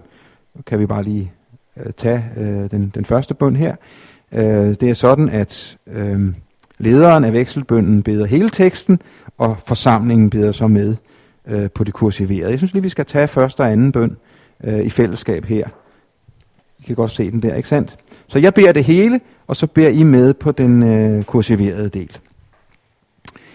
Himmelske Far, helliget blive dit navn, som i himlen, således også på jorden. Så dit ord bliver forkyndt, klart og rent. Og vi ærer dit navn i ord og gerning. For dit er riget og magten og æren i evighed. Amen. Gode frelser, komme dit rige, som i himlen, således også på jorden. Så du bliver kendt blandt alle folkeslag, så vi tror dit ord og lever med dig nu og i al evighed. For dit er riget og magten og æren i evighed. Amen. Ja, og så fremdeles. Man kan bruge den både i missionshus og kirke. Fem idéer til bøn ud fra fader, hvor er øh, en lidt øh, større udbredt sag af den, som I så øh, henne ved Roberts materiale, nemlig fem idéer til, hvordan man kan benytte fader, hvor ikke bare som, ja, ikke bare som om det skulle være bare, men altså ikke blot, ikke udelukkende som øh, en bøn, man beder øh, for sig selv eller i flok, men at man også kan disponere sin egen bøn ud fra fader, hvor at man kan bede fader, hvor i mødet med forskellige forhold, simpelthen i sit private bønsliv, øh, helliget blive dit navn, og så nævne nogle konkrete ting gennem det projekt, jeg er med i, i den tilklub, min kone er leder af, ved at vores præst, missionær, prædikant forkynder dit ord tydeligt og rent, gennem vores fællesskab i menigheden, blandt mine arbejdskollegaer. Helt konkrete ting, hvor man beder bønden, og så knytter et eller andet konkret øh, tema til, til det led i bønden. Det er der en række idéer til her. Øh, at bede fader vor i mødet med et enkelt konkret forhold, det kan være en sygdomssituation, det kan være noget andet, man står overfor, og så lad fader vor blive bønden, der, om man så må sige, øh, øh, tydeliggør, hvor stor en hjælp Gud også vil give os øh, igennem denne bøn, til det her meget konkrete forhold, jeg står overfor. Øh, og endelig er der nævnt her fader vor som disposition for et bedemøde. Hvorfor ikke indimellem disponere sit bedemøde ud fra bønderne i fader vor, og så ligesom lade temaer springe ud derfra. Ja. Øhm, at slå korsets tegn, øh, et af de her meget, altså hvorfor gør vi ikke det noget mere? Hvorfor, det, det, det er jo old, old Luthers, kan jeg have sagt, og øh, dybt, øh, øh, dybt øh, betydningsfuldt og, og, og givende. Det er både, både teologisk og pædagogisk øh, en genistreg, som vi, øh, som vi burde øh, opøve konfirmander og minikonfirmander og menighed meget mere i. Her har jeg snuppet en øh, forklaring, som Anne-Katrine Thunbo har lavet og brygget lidt om på den, til hvordan man i hvert fald på en måde kan forstå øh, korstegningen, også øh, symbolsk. Der er nogle idéer til, hvordan man kan holde andagt over den her lille bog. øh, hvordan den kan bruges i øvrigt, og så er der nogle citater. Mangler I måske et citat i jeres prædiken eller et eller andet, så kan I her gå ind og finde forskellige mere eller mindre kendte folk, som har sagt ting i tilknytning til, øh, til de enkelte led, Bonhoeffer, Kirkegaard, C.S. Lewis og Regen Printer. Og vi har holdt os til de afdøde. Det der med at citere folk, der lever endnu, det er sådan, hvorfor skal man så have nogen og ikke nogen andre? Men der er sådan lavet et lille udvalg af citater der. Ja, så har vi hernede et øh, studieoplæg til øh, Katekismus som måske er det blevet det mest populære materiale på hjemmesiden. Øh, der finder I øh, studiemateriale øh, udarbejdet af Frank Christensen, som nu er lærer nede på LTC. Jeg må sige, at jeg synes, det er rigtig godt lavet. Her er der ikke de her banale spørgsmål om at svare ja eller nej, og man skal slå et bestemt skriftsted op, og så finder man svaret der, og hvad skal vi så ellers snakke om? Og, at det er pædagogisk set rigtig, rigtig godt lavet af, af Frank. Øh, og problemet har jeg hørt stort set fra alle, der bruger det, siger, at der er jo alt, alt for meget stof. Vi kan slet ikke komme igennem. Jamen fint, fint. Så tag og spring det over, hvis ikke I vil det. Eller sig, jamen så bruger vi flere vintre på det her. Øh, det er blevet så populært, så, øh, så folk øh, plus 55, som ikke er så meget til hjemmesider og den slags, har spurgt, jamen kan vi da jo ikke også få det i, i bogformat? Og det har Loses forlag gjort alvor af, så nu kan den faktisk også fås. Alle 11 studieoplæg her kan også købes som en lille bog øh, for 40 kroner. I ser den omtalt her i materialet henne på side 3. Der ser I, hvordan den ser ud som, som et lille studiehæfte. Men man kan altså også gå ind og hente dem ganske gratis her. Øh, øh, klik dem ned og selvfølgelig printe dem ud. Og det er jo bare lige smidt i en kopimaskine, så har man altså øh, et, et øh, rigtig grundigt og meget pædagogisk fint oplæg øh, til en bibelkreds. Det her er ikke lavet for folk, der lige er kommet ind i kirken, eller sådan helt nye øh, og nyvagte. Det er for folk, der er kendt med kirke og missionshus i forvejen, men der er der altså også, der er der jo også så meget stof, som de trænger til at snakke om. Det er ikke altid, de kan deres fadervor. Øh, så kan I se her under bøger og hæfter en omtale af en masse andre materialer og kommende materialer. Det er ikke så vigtigt længere, for de er stort set alle sammen kommet. Inde under baggrundsstof, det vil jeg ikke gå så meget ind i nu, øh, der har vi nogle øh, sager liggende. øh, er lidt stolt af den der første, øh, som øh, vi har fået Finn Andersen til. I kender jo Finn her fra Aarhus. Øh, og hans øh, Lutherside, der ligger den jo selvfølgelig også inde, men vi fik øh, Finn til at lave en oversættelse af det her lille skrift, som faktisk kun lå på det tidspunkt i en oversættelse fra 1918. Et rigtig fyndigt og godt skrift af Martin Luther. En enfoldig måde at bede på for en god ven, Mester Peter Barber. Der giver Luther nogle geniale, praktiske forklaringer til at, og hjælp til at bruge fadervor og de ti bøn og trosbekendelsen, når vi beder. For eksempel, tak Gud for budet om, at du må ikke slå ihjel. For det betyder jo, at så må din nabo ikke gå hen og slå dig ihjel. Med de ti bud værner Gud jo dit liv. Tak ham for det. Og så det, det er helt dernede på jorden, og, og, og, og sagt med Luthers øh, føn og klem. Øhm, der er nogle bøger, der giver baggrundsviden om de enkelte led i katekismus, det ved I sikkert øh, mere om jeg. Øh, der er den artikel, som jeg lige delte ud tidligere, den kan I gå ind og hente også her, hvis I vil. Øh, så har øh, Asger, øh, som er har til stede, øh, haft øh, et foredrag om det her i øh, januar for et år siden. Både hans foredragsmanuskript og de tilhørende powerpoints øh, ligger derinde, I kan hente dem. Og så ligger der nogle katekismus prædikner. Øh, Robert Blatt, øh, som jo ikke er valgmenighedspræst længere, men var det en periode, øh, har lavet nogle prædikner, som vi har fået lov at få øh, en bearbejdet udgave af. Han nåede ikke hele vejen rundt, men I kan se, at her ligger første til tredje bud, fjerde bud, femte til tiende bud, forsagelsen, første trosartikel, dåben og nadvånd. Øh, og jeg kan nævne derudover, at også sovnepræst øh, Dan Monson nede fra øh, Nykøbing Falster har fået en særlig, øh, hvad hedder sådan noget, en særlig tilladelse fra sin biskop til over en treårig periode at lave månedlige katekismusgudstjenester. Og hvis I vil vide lidt mere om det, så kan I, øh, kan I gå ind på KPI's hjemmeside, som hedder kpi.dk, og der ligger en omtale af, af Dans øh, prædikner, og I kan også kontakte ham selv, hvis I vil vide mere om det. Så ligger der også her øh, katekismus-konferencen, øh, og de ting, der var øh, med der. Så går vi til undervisningssektionen. Den er ikke så lang, men det, der ligger derinde, er meget fyldigt. Øhm, der ligger for det første og vigtigste Henrik Højlunds øh, store materiale, øh, som vi har kaldt kristendom for begyndere. Nogen har gerne vil kalde det noget andet, men det må I gerne gøre. Vi er sådan meget postmoderne, hvad det her angår. Take it og leave it. Det må gerne klistre nogle andre navne over, og I må også gå ind og tage filerne, og hvis I har pdf, øh, lave dem om, og så videre. Øh, det, ja, jeg må selvfølgelig ikke skrive nogle ting, der, og så udgive det for at være Henrik, men altså sådan noget med at, at, at lave små ting om, det øh, kan man ikke være så nøjeregnende med, når man smider ting ud på, på internettet. Henrik har lavet, efter min mening, et rigtig godt materiale, som består af både øh, en undervisningsvejledning øh, til underviseren øh, på 26 sider, kan I se, øh, som både giver nogle, en masse øh, pædagogiske idéer til, øh, hvordan man kan gøre det rent praktisk. Der er også en meget praktisk beskrivelse af, hvordan man kan lave sådan et materiale. Vi har været i kontakt med folkene fra, katekis, nej, fra kristendomskursus.dk, altså Johan Schmidt Larsen og, og Sprint og de der folk, der har, har lavet det. Og øhm, jeg tror, vi allerede nu kan sige, at det som det her materiale, Henrik Højlunds materiale, er mest velegnet til, det er at lave et beta-kursus. Det er oplagt til at bruge, hvis man har haft enten et alfakursus eller et kristendoms.dk-kursus en vinter, og så er der en gruppe af mennesker, som siger, at vi vil gerne lære noget mere, og så gå over til Henriks materiale. Jeg ved om to steder, øh, at det bruges. Øh, et af stederne er nævnt her af en missionær i Luthersk Mission, Hans Lundby. Han beskriver lidt om det her på side 6. De bruger det oppe i Skive, tror jeg, nej, i Vinderup. Og jeg ved også om et sted øh, inde ved København, i Brøndby, hvor man bruger det, og har været rigtig glad for at bruge det som opfølgningsmateriale. Øh, der finder jeg altså en, en øh, komplet øh, undervisningsvejledning øh, til jer som underviser, og så kursistark til hele baduljen.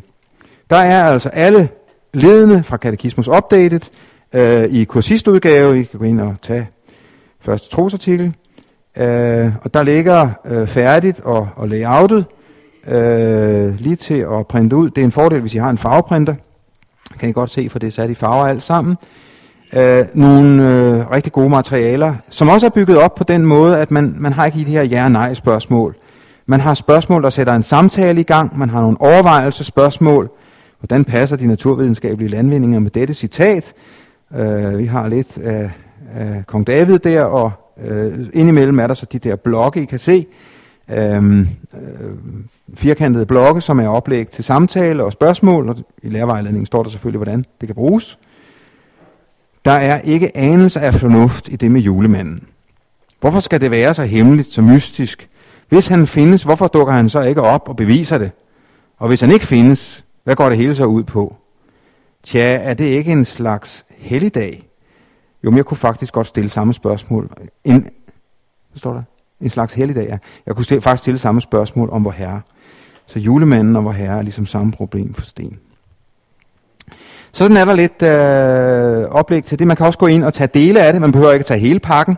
Man kan godt have et undervisningsforløb, hvor man siger, at det er kun budene, vi vil gå. Og så kan man jo så gå ind og øh, kunne tage dem. Det ligger kvitt og frit. I skal ikke have nogen nøgler til det. I skal ikke have nogen adgangskoder. Det ligger her bare til fri afbenyttelse. Så ligger der også herinde et, øh, det der konfirmandmateriale, det har jeg gennemgået, det er nemlig det samme, som vi havde før. Så ligger der derinde et materiale, som, som øh, er en meget sjov måde at lære udenad på. Øh, det er... Mm, det er Niels Borg Jacobsen, som har arbejdet meget med det her med udenadslærer omkring øh, visualisering og sådan nogle ting. Og hvis I tror, at udenadslærer bare er terperi, så kan I godt her på 21 sider få en stor hjælp til at lære udenad på en meget sjov, hvor andre rundt i badeværelset og hen til tankstationen og sådan noget, så kan man lære katekismus udenad.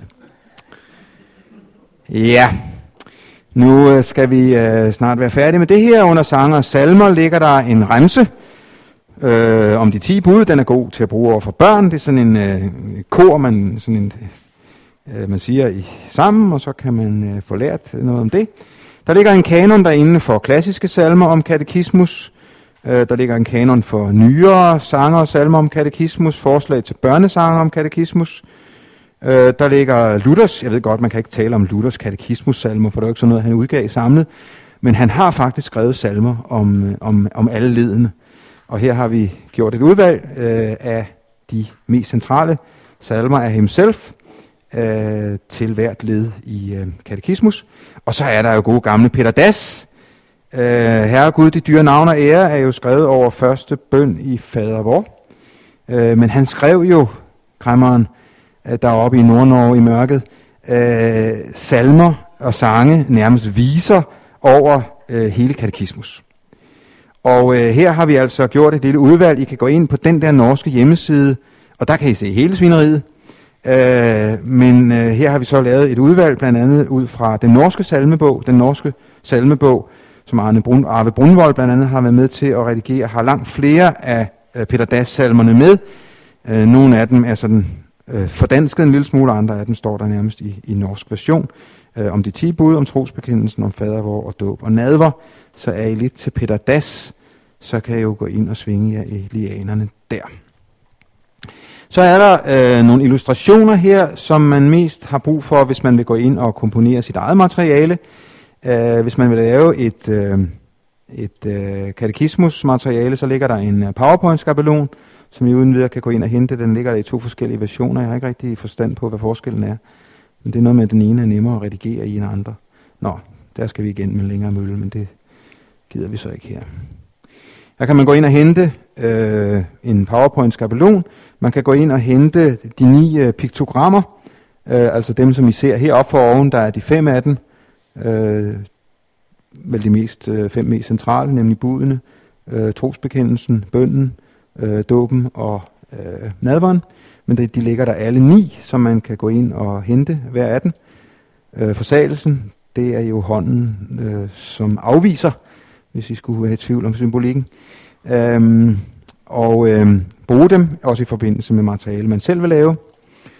Og derinde ligger der også en øh, udgave af alle de illustrationer, som var med i øh, første udgaven. Det er ikke øh, illustrationer, som kommer på Statens Museum for Kunst, men jeg synes faktisk, at... Øh, nå, men der forsvinder tingene for også fra, har jeg lige hørt.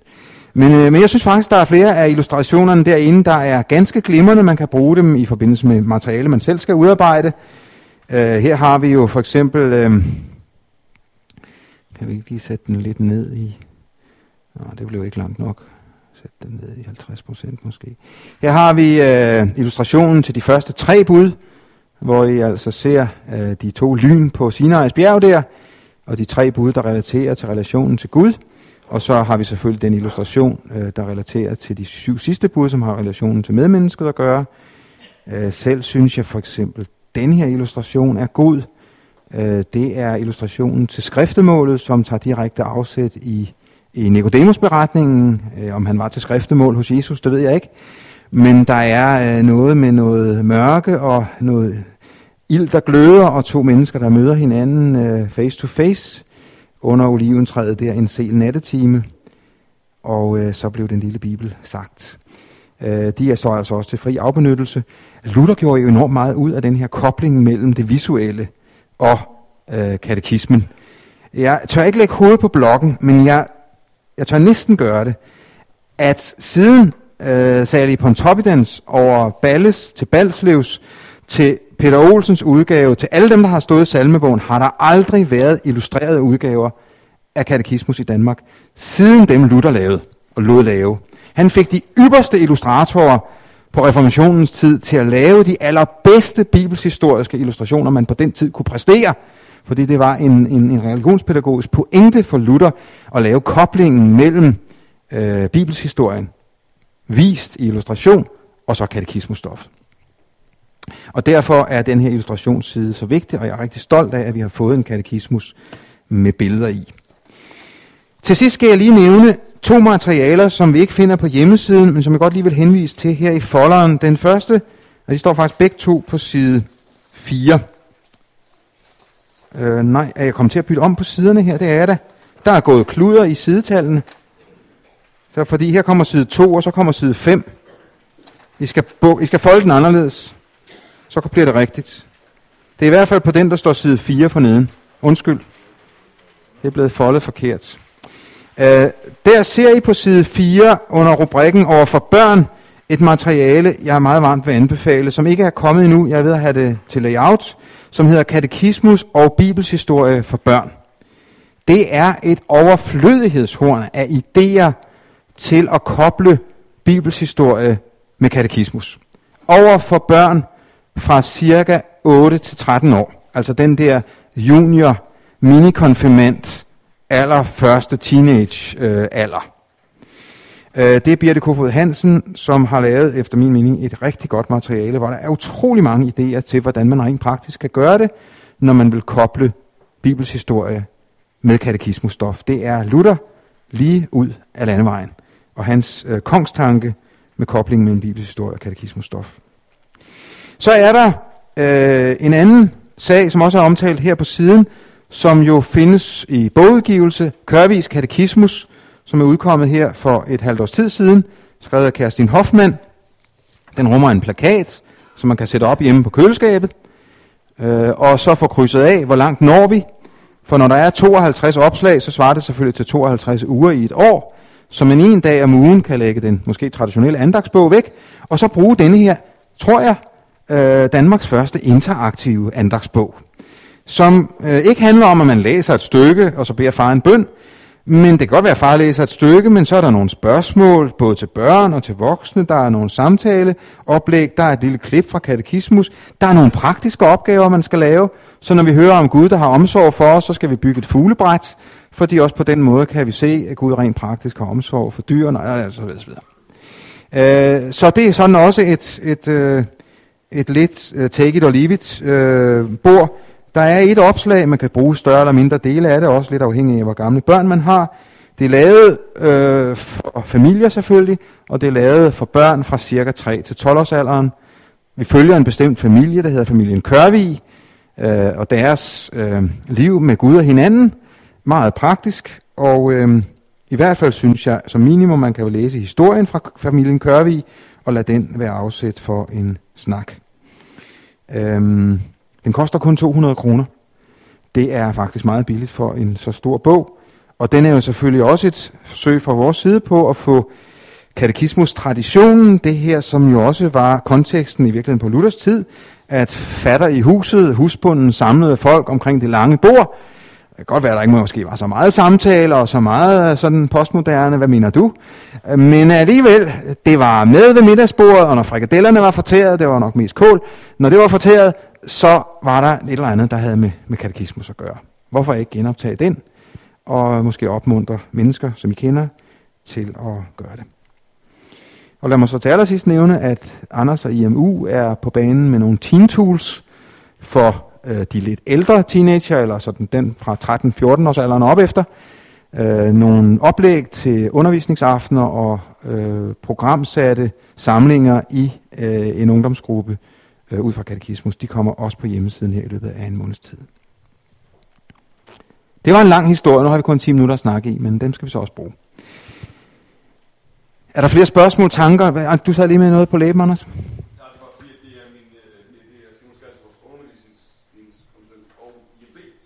Ja. Ja. Ja. De samlede simpelthen en gang her i december, og så, så lader de katekismushovederne i blød, og så bliver der en række materialer ud af det. Det har været utrolig dejligt at opleve den, øh, hvad skal jeg sige, samarbejds ting, der har været omkring det her. At folk fra otte forskellige organisationer med lidt forskellige teologiske vinklinger, der har indimellem givet lidt udfordringer til ledelsen af projektet, men øh, det har været rigtig spændende at få så mange til at virke sammen om det her, og opleve, at mange kan trække på det, som andre laver. At noget af det, bibellæseringen har lavet, kan bruges øh, i andre sammenhæng. Noget af det, man har udviklet i LM-sammenhæng, kan bruges i IM-sammenhæng. Noget af det, der er udviklet af folk fra kirkesammenhæng, kan bruges i missionshus osv.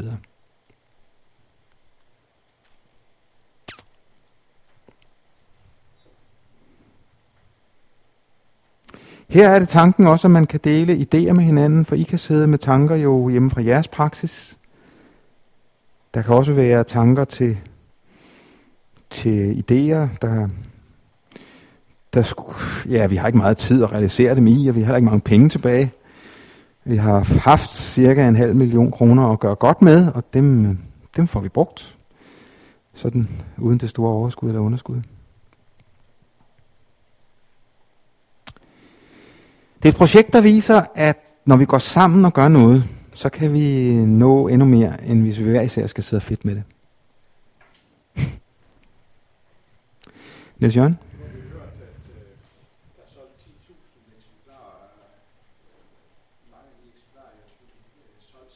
Mm. Hvor målbevidst satser I på at komme bredt ud i kirken. Det er de fleste øh, øjne sådan til øh, steder, man kan forestille sig, at ja, det er også fint, de kører nogle det underlige er, at Katekismus Updated er kommet ud i cirkler, vi ikke plejer at have kontakt med, for ellers havde vi nok heller ikke kunne sælge 10.000. Øh, jeg ved i hvert fald, fordi jeg har snakket for eksempel med lederen i Bethesdas boghandel, at han har sagt til mig, du aner ikke, hvad det er for nogle præster, der kommer her og køber 20 eksemplarer. Du vil ikke drømme om, at de vil røre ved noget, der kommer fra den fløj af kirken. Men jeg har jo ikke nogen statistik på, hvor mange det er. Jeg kan ikke... Men du har selvfølgelig helt ret, at mange af de 10.000 er solgt sætvis. Men givet, altså glædeligvis er der faktisk, jeg kan ikke, jeg kan ikke sige, hvor, hvor langt ud det er kommet, men det er i hvert fald kommet, jeg, tør, jeg siger ikke for meget, når jeg siger, at det er kommet lidt længere ud, end vores materialer normalt kommer. Og når vi vælger, forhåbentlig vælger, kommer lidt an på, hvor mange penge folk får spyttet i, bås, i dø- dåsen, det koster faktisk 65.000 at sende en folder ud med Kristelig Dagblad, så er det jo faktisk, fordi vi tror, at vi her står med et materiale, som fortjener at komme meget længere ud end vores egne cirkler. Og når vi for en gang skyld har noget, der ikke handler om, hvad vi siger nej til, øh, og vi kan være proaktive med noget, vi siger et rungende ja til, hvorfor skulle de så ikke også ude i de andre hjørner af, af det kirkelige landskab vide om det? Men det koster altså 65.000 at markedsføre det øh, der. Det er så katekismen, altså updated. Og hjemmesiden. Ja, men så er der hjemmesiden der, så der tænker jeg bare på, altså et par steder, man lige tænker, ah, skulle det ikke have været rettet på en anden måde? Altså, når man for eksempel øh, øh, laver bedeliste, hvor man siger, øh, øh, forbøn for din præst, skråstreg, missionær, prædikant, hus, så er der mange af det prædikant, så vil sige, hvad er forskellen på præst og prædikant? Altså, så har man et sprogbrug, som er indforstået for mig at se. Ikke? Altså, det er jo for, at Det er jeg ikke enig med dig i. er. Ja. Men altså, det, er kritisk overfor. Altså, der finder man ikke, der finder man sit eget sprogbrug. Men det er jo fordi, vi er nødt til, Niels Jørgen, på en eller anden måde at rette den, sådan så den også kan bruges af den majoritet af missionsfolk, der går derind. Det forstår jeg da godt. Jeg ved godt, hvor man har prædikanter i. Det er jo ikke det eneste. Men altså, det, så kan man bare komme til at skyde sig selv i den ene fod. Og så nogen siger, ja, der kan man se, det er de der, de Det er jeg ikke helt sikker på, at du har ret i. Fordi der kan være en, som... Altså, ja. På den anden side vil jeg sige, hvis der er nogen af jer her, der sidder med gode idéer til andre formuleringer, så er jeg meget modtagelig. Meget modtagelig. Så hvis I kommer rundt, og hvis I også efterhånden kommer ind på hjemmesiden, og finder ting, som er uheldigt formuleret, så skriv endelig til mig. For jeg er meget øh, fleksibel over for at, øh, at lytte til steder, hvor det kan gøres bedre. Så lige min, min pingpong her er ikke udtryk for, at jeg altså, jeg, jeg, fordi det, det er en, altså blandt andet når man har skulle skrive de der meget enkelt forklaringer, ikke? de der, der ligger ude på, på forsiden, øh, katekismus ganske enkelt, så er det altså, åh, hvor er det svært at komme ud af de vendinger, man plejer at bruge. Asger? Jeg synes jo for det første, at det er helt vildt, hvad de har fået op at stå for omkring. Og de vil også sige, altså nordmænd, de har ikke noget, der ligner det. De må næsten kigge ind i den her vej. Der er en del besøgende fra Norge, pudsigt nok. Det er der faktisk. Det kan jeg jo se, når jeg, når jeg tager statistikkerne. Øhm, Men det jeg tænker, jeg jo så positiv over for det her, og så spørger jeg lige mig selv, hvornår jeg begyndt at bruge det her rigtigt? Det jo sporadisk, og der tusindvis af idéer, hvordan får jeg dem bragt ned i en håndterlig form, når man nu ikke har små børn, der kan tvinge dem til sådan noget. Der er det for sent at få små børn, Asger? er det for sent at få små... Ej, undskyld. men, men, men det, jeg tænker helt konkret på, det er, hvordan får det her læmegjort, som du også snakkede om? Ja. Der er mange idéer til det. Ja. Der er også materialer til det i form af en fadervorskrans, eller en katekismekrans, eller en kristuskrans, eller et eller andet, som gør det rigtigt nede på jorden. Mm. Det, den er heller ikke kommet på hjemmesiden endnu. Øh, prøv lige at kigge hen på side... Øh, hvor står den henne? Den står på side 3. Øh, den står på side 3, øh, den næstøverste der i venstre spalte, katekismus kranse.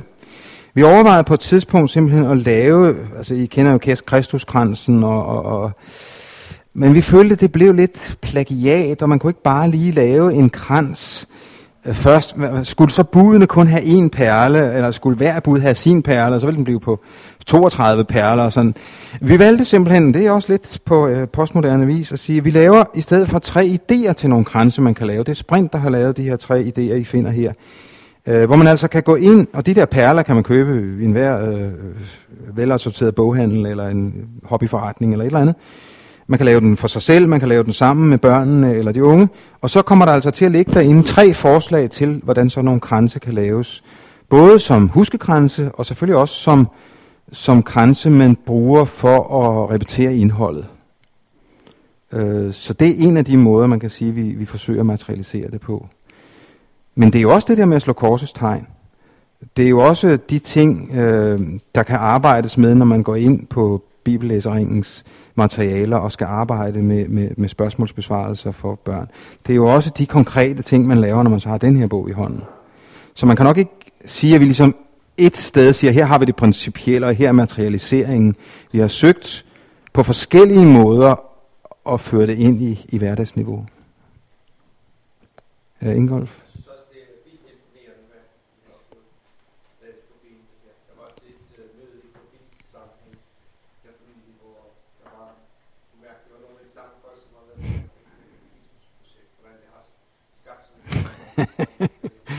ja, det har det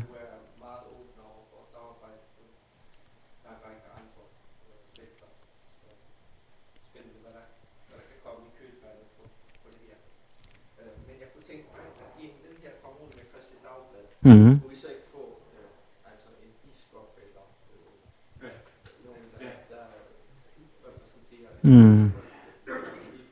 Dagblad.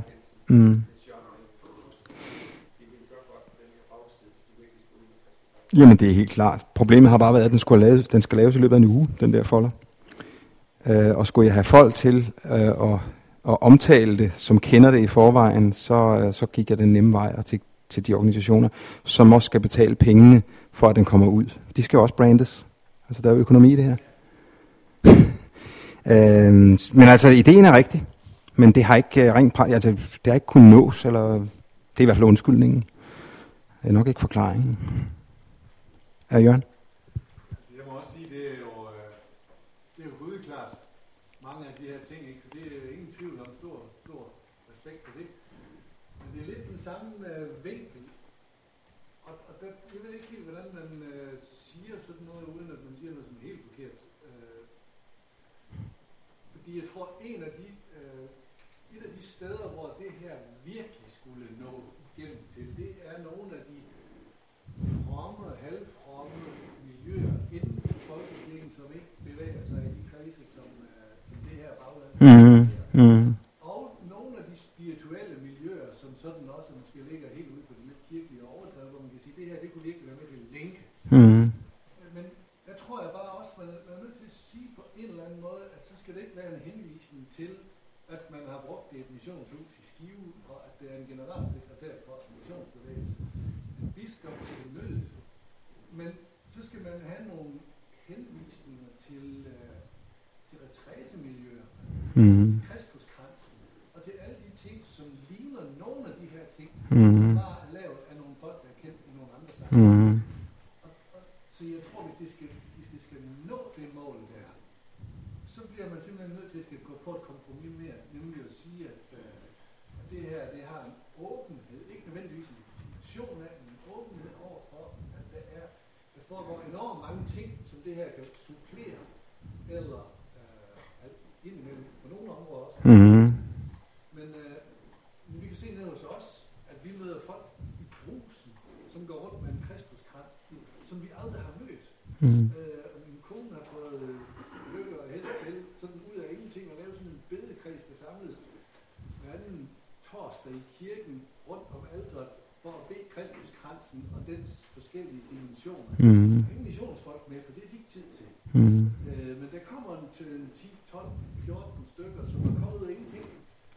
Og de kunne være spændende at kunne introducere, men hvis det skal lykkes, så er det altså nødt til at være et minimum af kobling. Men, men det har vi jo også overvejet helt i starten af projektet, kan man sige. Hvor bredt skal vi gå ud? Øh, skulle vi invitere Folkekirkens Pædagogisk Institut Øh, skulle vi invitere øh, Dansk Oase? Skulle vi invitere øh, retrætemiljøerne eller, eller andre miljøer med i, i processen? Og det valgte vi jo ret tidligt at sige, at øh, det, det turde vi ikke, eller det ville vi ikke, fordi der tror jeg nok, man realistisk må sige, sige, sige så havde det været sværere for enderne til at nå sammen i den fase. Og der kan det nogle gange være lidt svært så at komme til folk bagefter og sige, at vi vil ikke have jer med fra starten af, fordi det var lidt, lidt bange for, men nu skal I komme og blåstemple det. det. Det er nogle gange lidt svært. Men det er et spørgsmål om at lave nogle links, måske henvise til, altså også materiale, der kan købes andre steder end hos Logos Media. Altså, jeg mener, det var formodentlig ikke noget problem at få lov til at henvise til, til bogen om. Og, Jamen, den er der jo så også henvist til under materialedelen. det er sådan nogle ting at, at trække det frem. Og, og, jeg ved det ikke. Det er jo bare øh, skud fra Ja. Jeg kan jo så ikke dyme mig for at sige, at det kunne være, at hvis MF havde været med i projektet, så var de her ting blevet lidt tydeligere. Maria? Ja, det havde vi også mange tanker over. Ja, det har det været, og vi havde en stor bekymring om, øh, hvad, hvad associationer skaber det her hos folk. Øh, Vi måtte nok sige, at hvis vi gik til de plus 60-årige, så var der mange for hvem det skabte associationer af terperi og øh, virkelig noget træls i forhold til, til den kristne tro. Men vi, vi, vi vågede altså at ligesom koble op på et meget øh, gammelt, tra- traditionelt ord, og så, og så updated. Øh, og det har altså vist sig, synes vi, i de tre år, det nu har kørt, at det lykkedes og vi som vitualis, eller hvad skal man sige, vitalisere det ord katekismus. Fordi det er det, det er. Vi, vi havde også veldig svært ved at finde alternativet. Hvad skulle man kalde det i stedet for? Så. Ja, og man, man øh, bruger det sådan også øh, uden for vores cirkler jo. Øh, så, øh, så det var et sats, vi tog, men, men vi har ikke fortrudt det. Se, nu er klokken kvart over, og jeg bryder mig ikke om at øh, stjæle mere folks tid, end der er programsat. Så jeg tror, vi øh, runder af her, men jeg glæder mig jo meget over, at jeg kan få lov at være med her de her dage, og I må meget gerne skyde på mig øh, og på hovedet af mig, øh, eller snakke venligt med mig, eller hvad I vil. Øh, så jeg håber, vi, vi også øh, får snakker om det her i øh, pauserne, men nu stopper vi her.